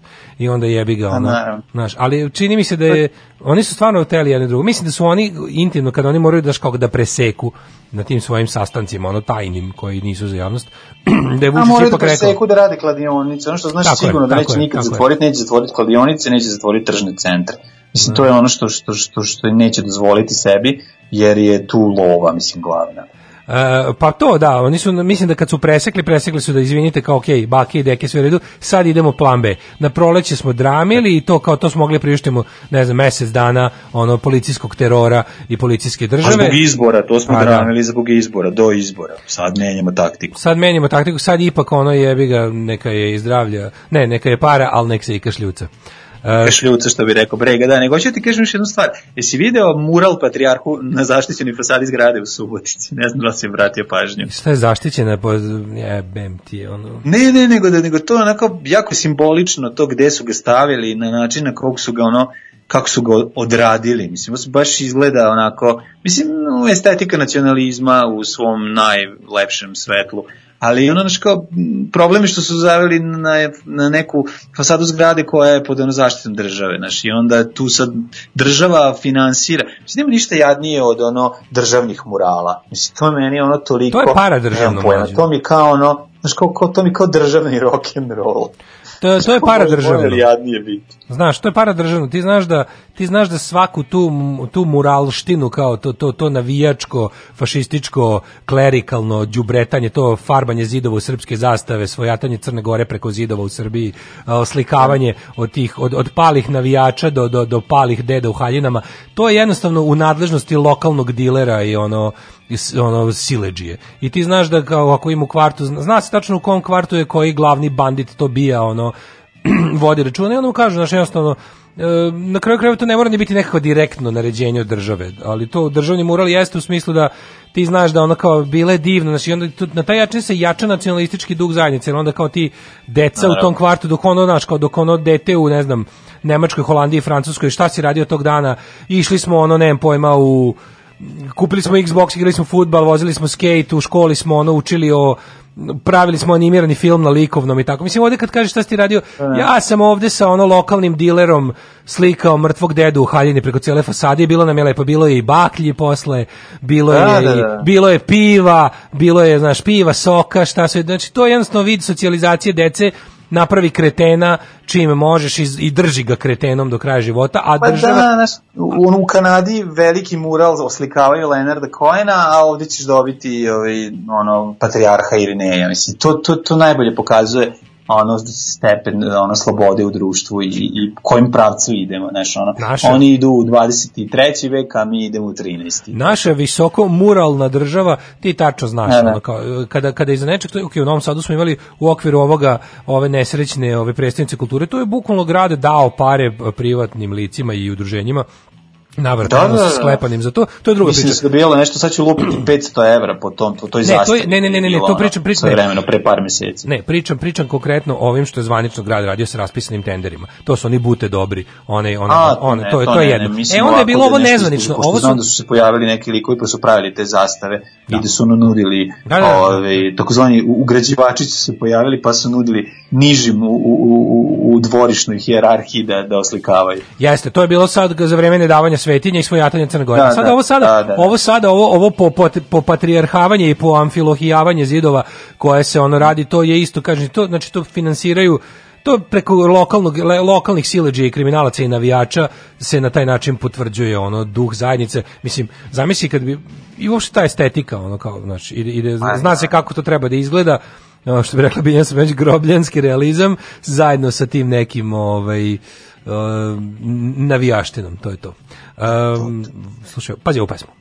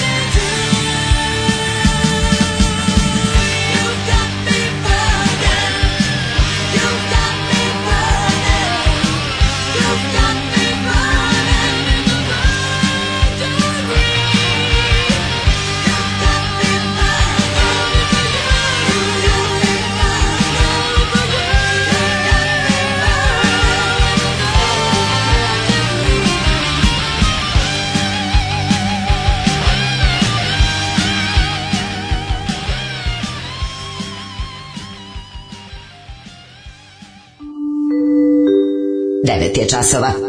Radio Daško i Mlađa. Prvi program. 9.20 je časova. E, kaže, u, kako si iskao ovaj kvalitet iz 80-ih. Ova je pesma, za one koji ne znaju, ova je pesma iz Terminatora prvog dela. Mm, Burning in a third degree. E, kaže, mislim se da vam uplatim i ja koji dinar, kaže ženja, da mlade nahrani to dete više. Ove, ste, hvala, dragi ljudi. Kaže, ako, stiglo, ako smo stigli do toga da mlađe promoviše online kupovinu, šta vas sprečava? Ove, da li ste e, vidjeli gužve na žičarama na otvaranju ski sezone na žičaru sme ne sme više od tri osobe. A, ja kupio Unior alat na netu 25% popusta. Haljina mi ne treba, ja trenutno nemam gde da je nosim. Ove, kaže, daj bre mlađe, nemoj ovdje biti dobar čovjek, nema taj talent ni za šta, bukvalno ništa ne ume. Sve na njemu je lažno, ima onaj klip emisija taj place, kaže, to je sklop e, pokreta bi mogao i robot. E, kaže, i robot bi imao ovaj, e, problem da reprodukuje taj sklop pokreta.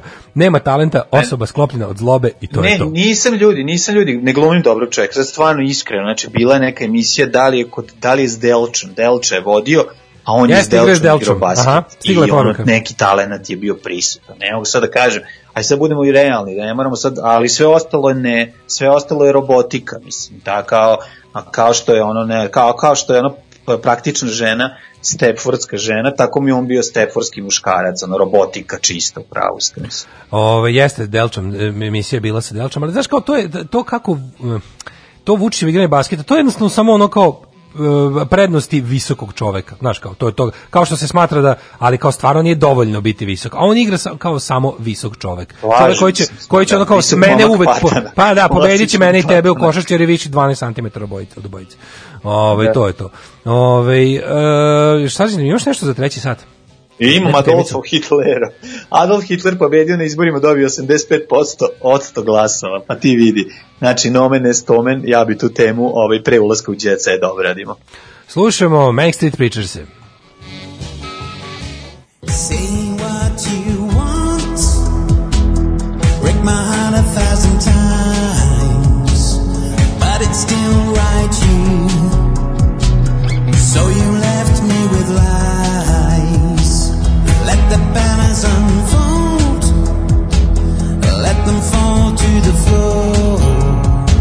We're one side each other, but now we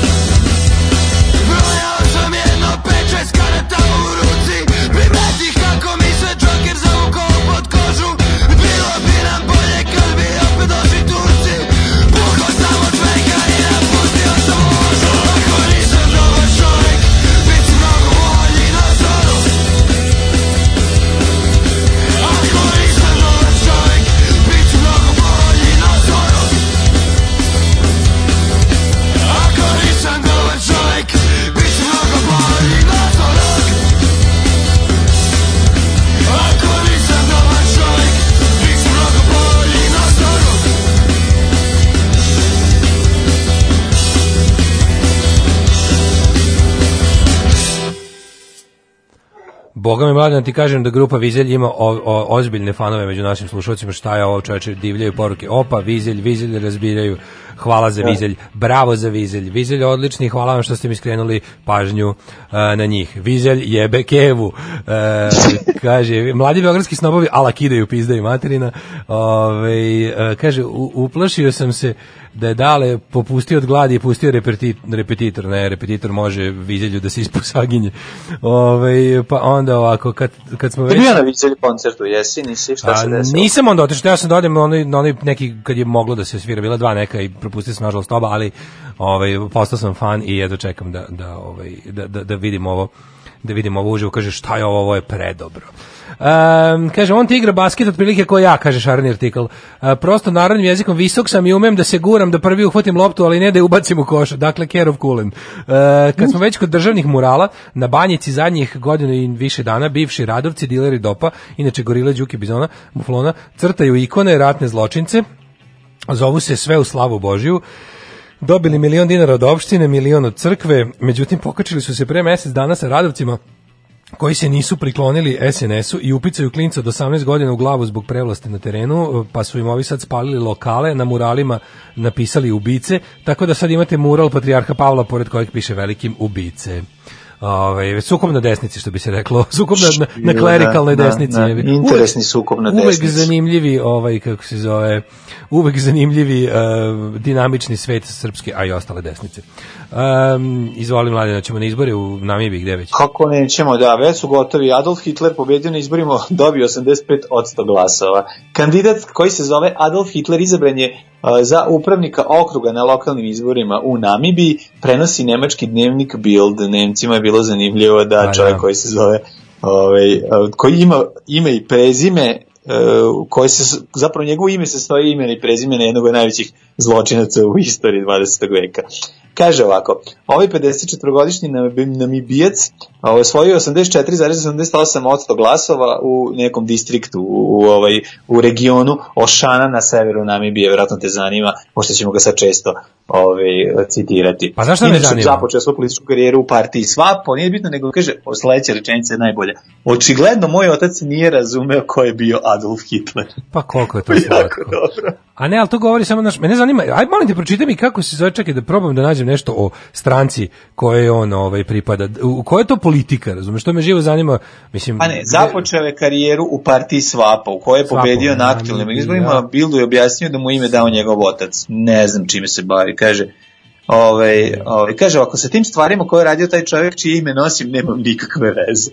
Pa naravno Da. da. nemaš čoveče, kaže on. Aha. Kaže, u, na, u javnosti nastupa najviše kao Adolf Unona i izostavlja Hitler. A, dobro, dobro, znači kao Dado. Adolf Dado. Da, nastupa kao Dado, baš to, da. Nego sad Pa, gledam, da, da, da, da, da. E, gledam sad kako bi se... Ne da, može da i promeni, jer se nalazi u svim njegovim zvaničnim dokumentima. To je, za, to je sad kasno. A da. to je rekao srce moje. Pa kako je kasno? Pa Inače, inače hoće. Svapo je levičarska partija, socijalistička je, ono, mislim, piše da im je ideology, čak neki marksizam, leninizam. Uh, imaju 63 ovaj, poslanika u nacionalnom Da nije parlamentu. možda Imaju čak i nacional većinu. socijalistička. Nije, nije, baš je, vidim, lo- logo im je ovaj crni čovek koji drži uzdignutu ovu pesnicu, onako, baš je, znaš, on ima tu, ima pravu levičarsku ikonografiju i vidim, mislim, piše da je, piše da je to, tako da je, i članovi su socijalističke internacionale i ono kao le, levičarske partije. To je dosta interesantno, znači čovek je verovatno, ovaj, da li to će, ali, mislim, znaš šta to govori? To govori o tom, da li lošem obrazovanju u Africi ili ili ili ono što se kaže kombinacija lošeg obrazovanja i toga. Mislim gde je taj čovjek video Adolfa Hitlera pa je to njemu koji je misaoni proces doveo do toga da on je video Adolfa Hitlera? Nemoguće da mu se divio nemoguće znaš šta je taj čovjek mislio kad je sinu u sred Namibije dao to ime ime ime i prezime za ime pošto on ima čovjek prezime njemu je Adolf Hitler ime znaš Da, da, da, ne, to je zanimljivo, a drugo je Ove, interesantno kako bi bilo da se rodio malo ranije pa da je recimo sa nesvrstanim došao u Jugoslaviju s tim imenom. Pa zamisli, to bi bilo pa isto za- a- a interesantno. ko moguće da bi- njega izostavili iz ove, ove, e, iz ekipe ili bi ostao da spava u hotelu. Ne, sasvim je moguće, mislim, Svapo je, baš je mesto na tome, mislim, kao organizacija Da. Svapo je komomentno mogla, ovaj, formirana je 1960. Može da Mislim, da. moguće da je i bila ono deo tog, mislim, to, to ono vreme antikolonijalne borbe, što su, za čega su faktički nesvrstani služili, mislim, mogu je Adolf, Adolf, Adolf Hitler, kako se preziva? kako je preziva? Ja, Unona, Unona, sa dva U. Da. Unona. To mi je neverovatno da se može dopustiti ono kao kada daješ, e, si gledao nekada taj zakon o imenima?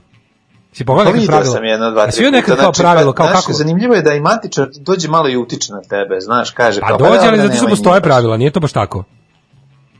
Ti možeš, na primjer, ne može baš sve da bude ime ovaj, e, Ne može, lično ime. ne Znači, ne mogu da budu registrovani trademarkovi, odnosno robne marke. Da. To ne može.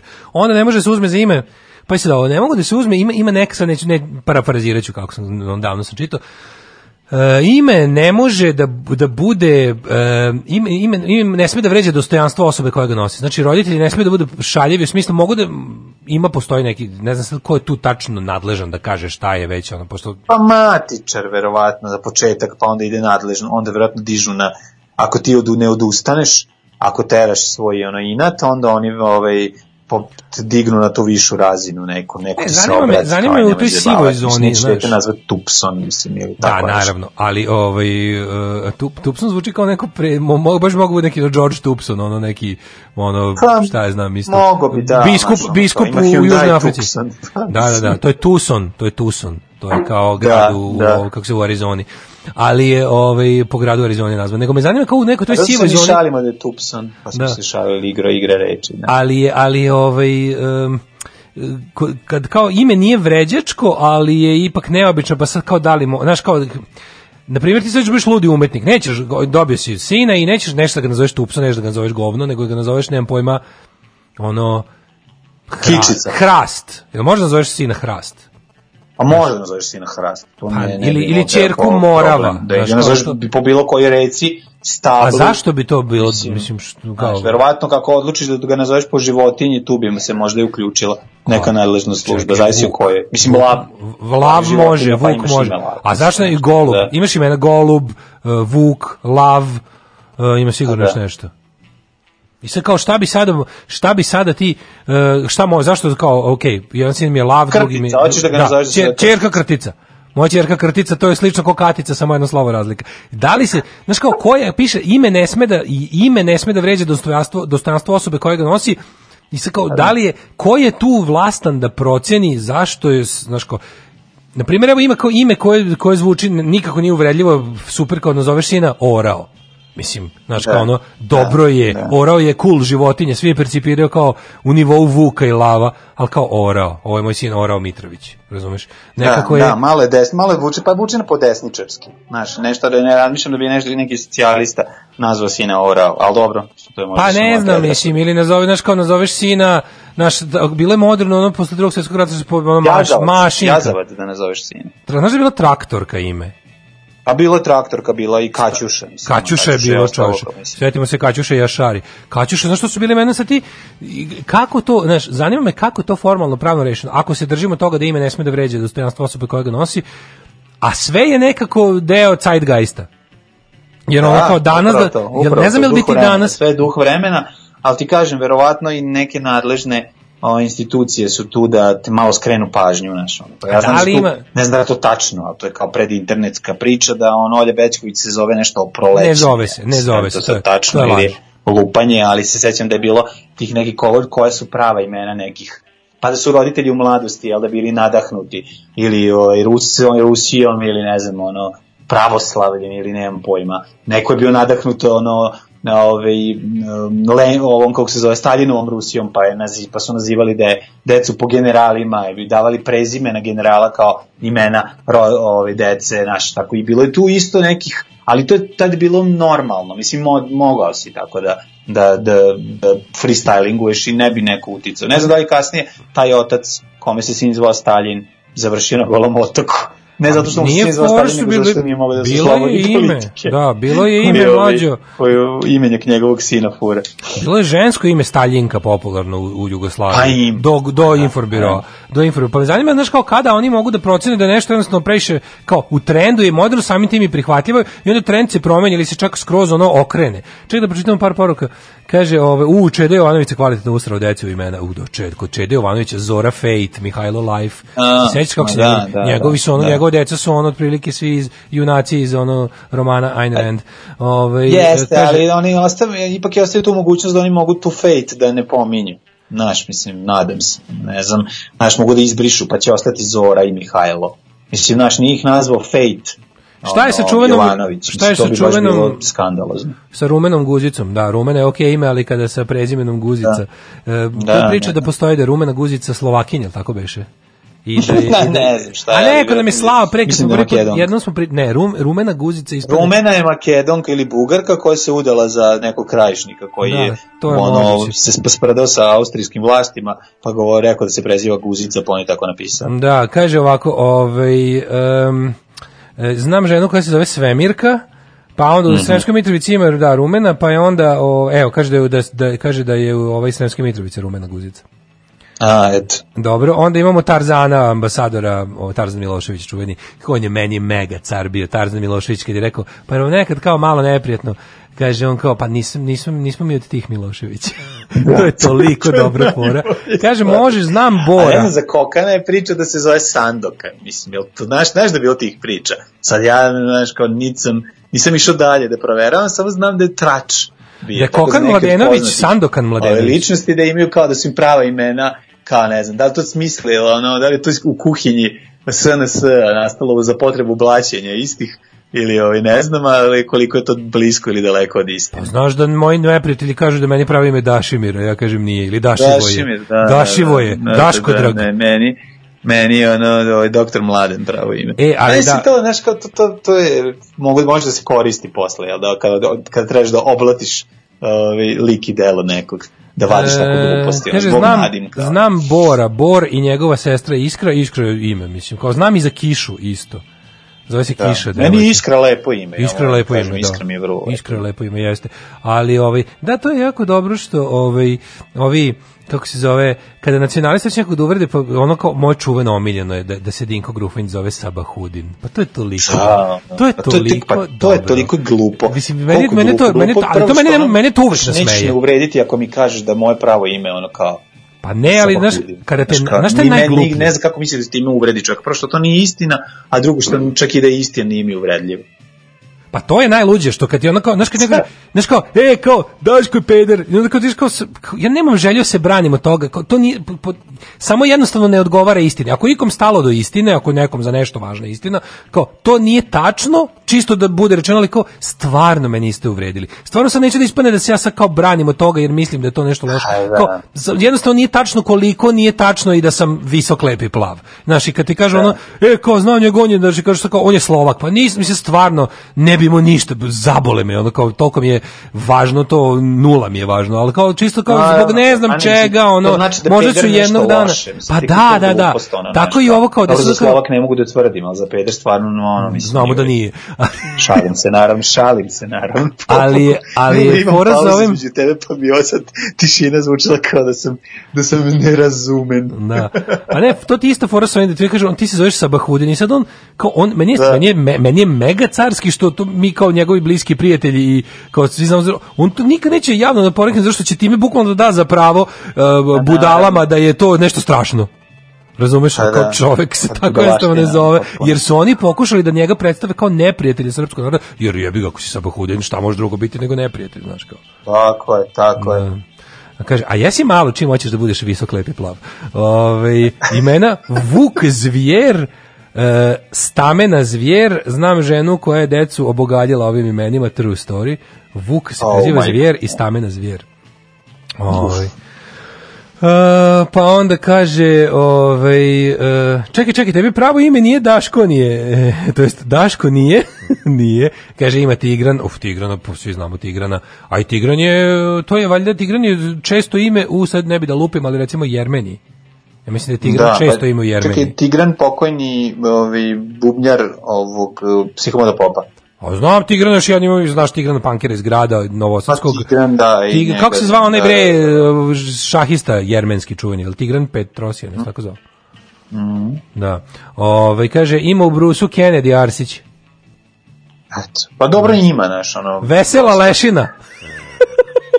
Sandokana, ovaj, a setimo se, imaš i dovoljno imena, mislim, ono, Kasandri i Alfonsa, koliko hoćeš, mislim, iz 90-ih. Ali to su samo to su rođeni. ali dobro mlađe, to su kao to su za ovo podneblje Um, za ovo podneblje neobične imena, ali kao, mislim, na svetu ima mnogo više Alfonsa od Milana, to da se razumemo, ono.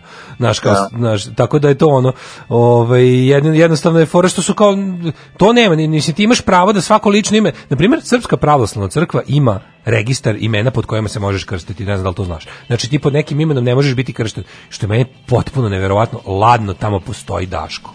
Znači, postoje, ne znam, niko ko se tako zove, nikad nikog nisam sreo živog čovjeka se zove Daško, ali ladno ja bi mogao da budem, ja ne bi morao da menjam ime ako bih hteo da se, da se krstim u Srpskoj pravoslavnoj crkvi, a bio sam ubeđen da, da, da mog imena nema na popisu. Da ima Mladena, ili Ima Mladena, ali recimo čekaj, neko ime sam, ne, za neko ime koje je prilično često kod nas sam se začudio da nije na dozvoljenom na ovaj popisu imena pod kojima može biti kršten. Jedno žensko i jedno muško, ako neko zna, neka nam javi koje od imena koje je relativno onako pa neću kažem često, ali ono kao nije, nije neuobičajeno, je ime pod kojim se ne možeš krstiti u ovaj u srpskoj pravoslavnoj crkvi. Strane imena ne mogu, ali ovo je neko, verovatno je u pitanju neko ime koje je do- došlo sa strane, a odomaćilo se kod nas i ne možeš se pod tim imenom krstiti u srpskoj pravoslavnoj crkvi. Pa mislim neko ime je da negde sasvim normalno, na nekom podnevlju izaziva smeh. Mislim, ja se nikad neću zaboraviti kad smo bili klinci, pa bi moj drugar ovaj Omer iz uh, Teslića stizao i done, onda bi doneo ovaj, eh, fotografiju sa uh, poslednjeg dana iz škole, ono kad se na kraju godine završene i onda bi pokazivao svoje drugare kako se ko zove. Da. Mislim, to je nama ono izazivalo ceo salvu smeha. Ovo je Nedžad. Pazi, ja nikad nisam taj, ja u to vreme aj za Nedžad sam čuo, a su bila neka imena Ko koja Nenad? nismo čuli kao klinci. Ja smo imali govnari pokvareni novosadski, nama je to bilo jako smešno. Pa da. Ali naravno i on bi se smejao kad bi video da su tu Čongor, da su tu ono Silar, da su to što je njima bilo potpuno ovaj, egzotično i nisu nikad čuli. Znaš. A zapravo deli nas samo 250 km Ja kad sam upoznao- puta. ja kad znaš, sam- a potpuno druga dimenzija. Ja sam upoznao Sajka i Amera i bilo mi je super. Ja sam mislio da da da on, da, da su im da su to da su im to nadimci, da je ovo neki ono pera kog zovu Amer jer se ponaša kao Amerikanac, a da sa Sajkom ne treba imati posla jer je lud. Ali ne, to su bili ovi, to su bilo dva momka iz Sandžaka. Mislim, to su mi bila imena. Ove, a šta radi Bela Kurina? A, legendarni Bel, Bela Kurina. Ove, A, stigao je e-mail, neka uđe. Čuvena njegova, da, ono, A, drag čovjek. idemo mi u Jet Set, može? Ajmo, ajmo, može, može, može.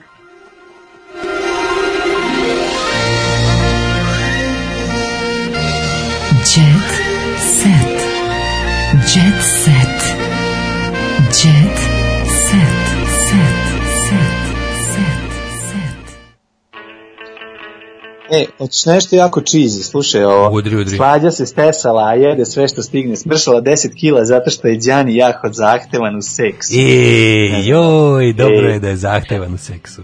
Jo, znači, ono što, ono što ne bi voleo, ono nikako, da vidim, to je paranje Đanija. Ono mužjaka Ju, i ženke Đanija. da, to pa me da. zanima. Da, da, da, da, da. A to je stvarno- Ja volim da gledam ono Animal Planet, ali to bi preskočio. Da, oni stvarno izgledaju Đani, ono, ona slika kad ga žena u bazenu drži onako, znaš, mislim, stvarno izgledaju kao da, mo, da su versatile, da može svako sa svakim, da svejedno ko je gore. Znaš, kao da jednostavno jedno i drugo, jedno i drugo su i muško i žensko mogu da proizvedu i da, i da proizvedu i, i ovu i spermu i jajne ćelije. I onda kao Aha, potpuno, misliš potpuno da sve jedno. hermafroditi, Kao morski da, da, da, konjići, ono, da. Kao morski konjići otprilike, ono. Da, Pa, da, da. parenje Đanija u prirodi. Uh, kaže, ovaj, uh, Ceca se topi od Miline zbog unuka Željka, ponosna baka sve nasmejala. E, šta je, ba, ispričala vic neki, tri debela nemca, da šta je nasmejala? Folk zvezda Ceca Ražnatović maksimalno uživa u svakom trenutku koji provodi sa unukom. Ovog Mhm. puta Ceca je fotografisala malenog Željka tokom obroka, a dok je jeo spanjać, pevačica se našalila i napisala u fotografiji Mornar sam popa i ja. Joj, koliko je ovo smešno, majko. Sad kako- sam naježio. kako sada ne bude kako sada da ne bude kako da ne bude ponovo 45 i kako da se ne upada u kuće raznim ljudima kako pitam ej, samo ti kažem, podigla ogroman kredit za stan u elitnom delu Beograda Milica Tudorović. opa gde ćemo pošto ona naša drugarica ja izgleda da je kreditno sposobna. Uh, kreditno SP osobna, to mi je jako Pa drago. to je slatko, slatko viže, ej, mala, kreditno sam sposoban. Mislim, Kako onako ne? zvuči kao neka pesma, žarte gocije. Uh, sama sebi sam davala injekcije. Nisam dozvolila da padnem u depresiju, da ima kome se uopšte tu radi. Vesna Čipčić. A, mali, nosiš mali. E, da, ona je bila nešto bolela. tako? Bola, kaže, prelazila sam koronu, pa sam ispričala kroz šta sam prošla. Evo, kaže, Vesna Čipčić bila je zaražena koronavirusom, a sad ispričala kako izgleda njena borba, otkrila da je bila, a njena ćerka Anja Alač, takođe glumica, e, dobro sam, mnogo bolje nego što je bila, još uvek se nisam dala u promet, što se kaže da se našalimo malo, počela je glumica priču za E-kliniku. Kaže, svi smo se testirali u BDP-u, to je Beogradsko dramsko prozorište, a ne, a ne brutalni, Ne, brutalni a ne brutalni domaći proizvod. Dobila sam negativan nalaz, a moja ćerka pozitivan. I onda je bila, ne, ne, kaže, zbog povišenog D dimera dobila sam injekcije i bila u čudu kako ću ja to sama sebi da dajem. Prvo večer mi je dala moja prijateljica doktorka, a onda sutradan sam se bockala kao da to ceo život radim. Eto, ovaj, e, jedna topla ljudska priča. Ja baš volim Vesnu Čipčić, moram da Kako priznam, možda- ne znam, kako možda ne ono? Kao neka prijateljica ce, ceo život, taj osjećaj. E, šta je to na kući Seke Aleksić? O ovome se priča. Šta je na Mhm, kući Seke? Čekaj, čekaj Njen muž. Go, njen Ja, muž da go. vidiš Veljka kako. Znaš kakva fotka? Ovo je najbolja fotka na svetu. Imaju ono neko igralište za decu u dvorištu od drveta, onako sve je etno.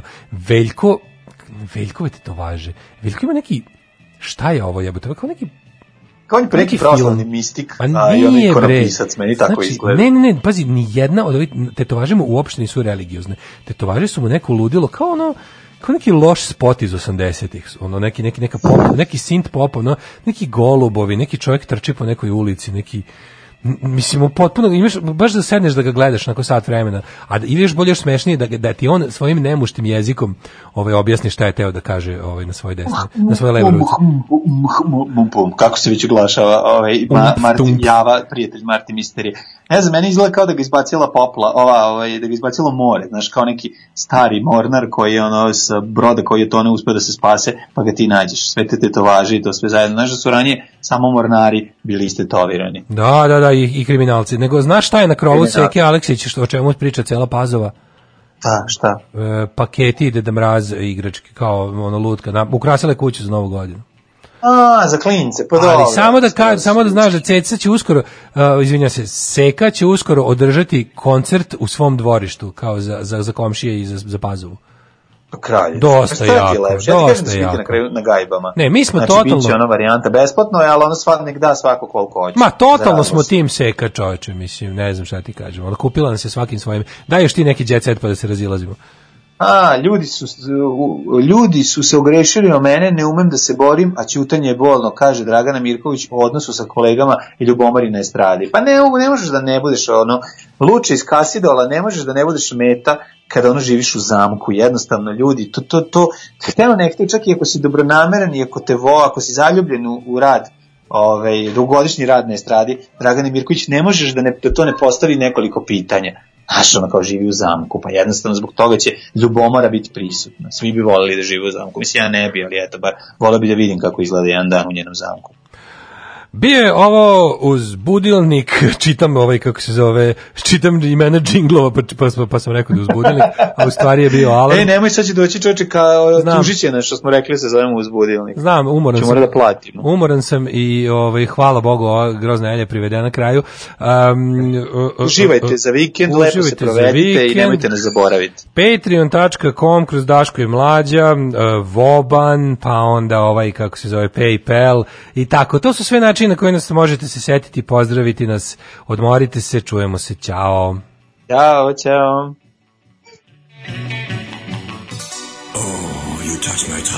Tekst čitali Mladin Urdarević i Daško Milinović. Ton majstor Richard Merc. Realizacija Slavko Tatić. Urednik programa za mlade Donka Špiček. Alarms svakog radnog jutra od 7 do 10. You touch my tra-la-la.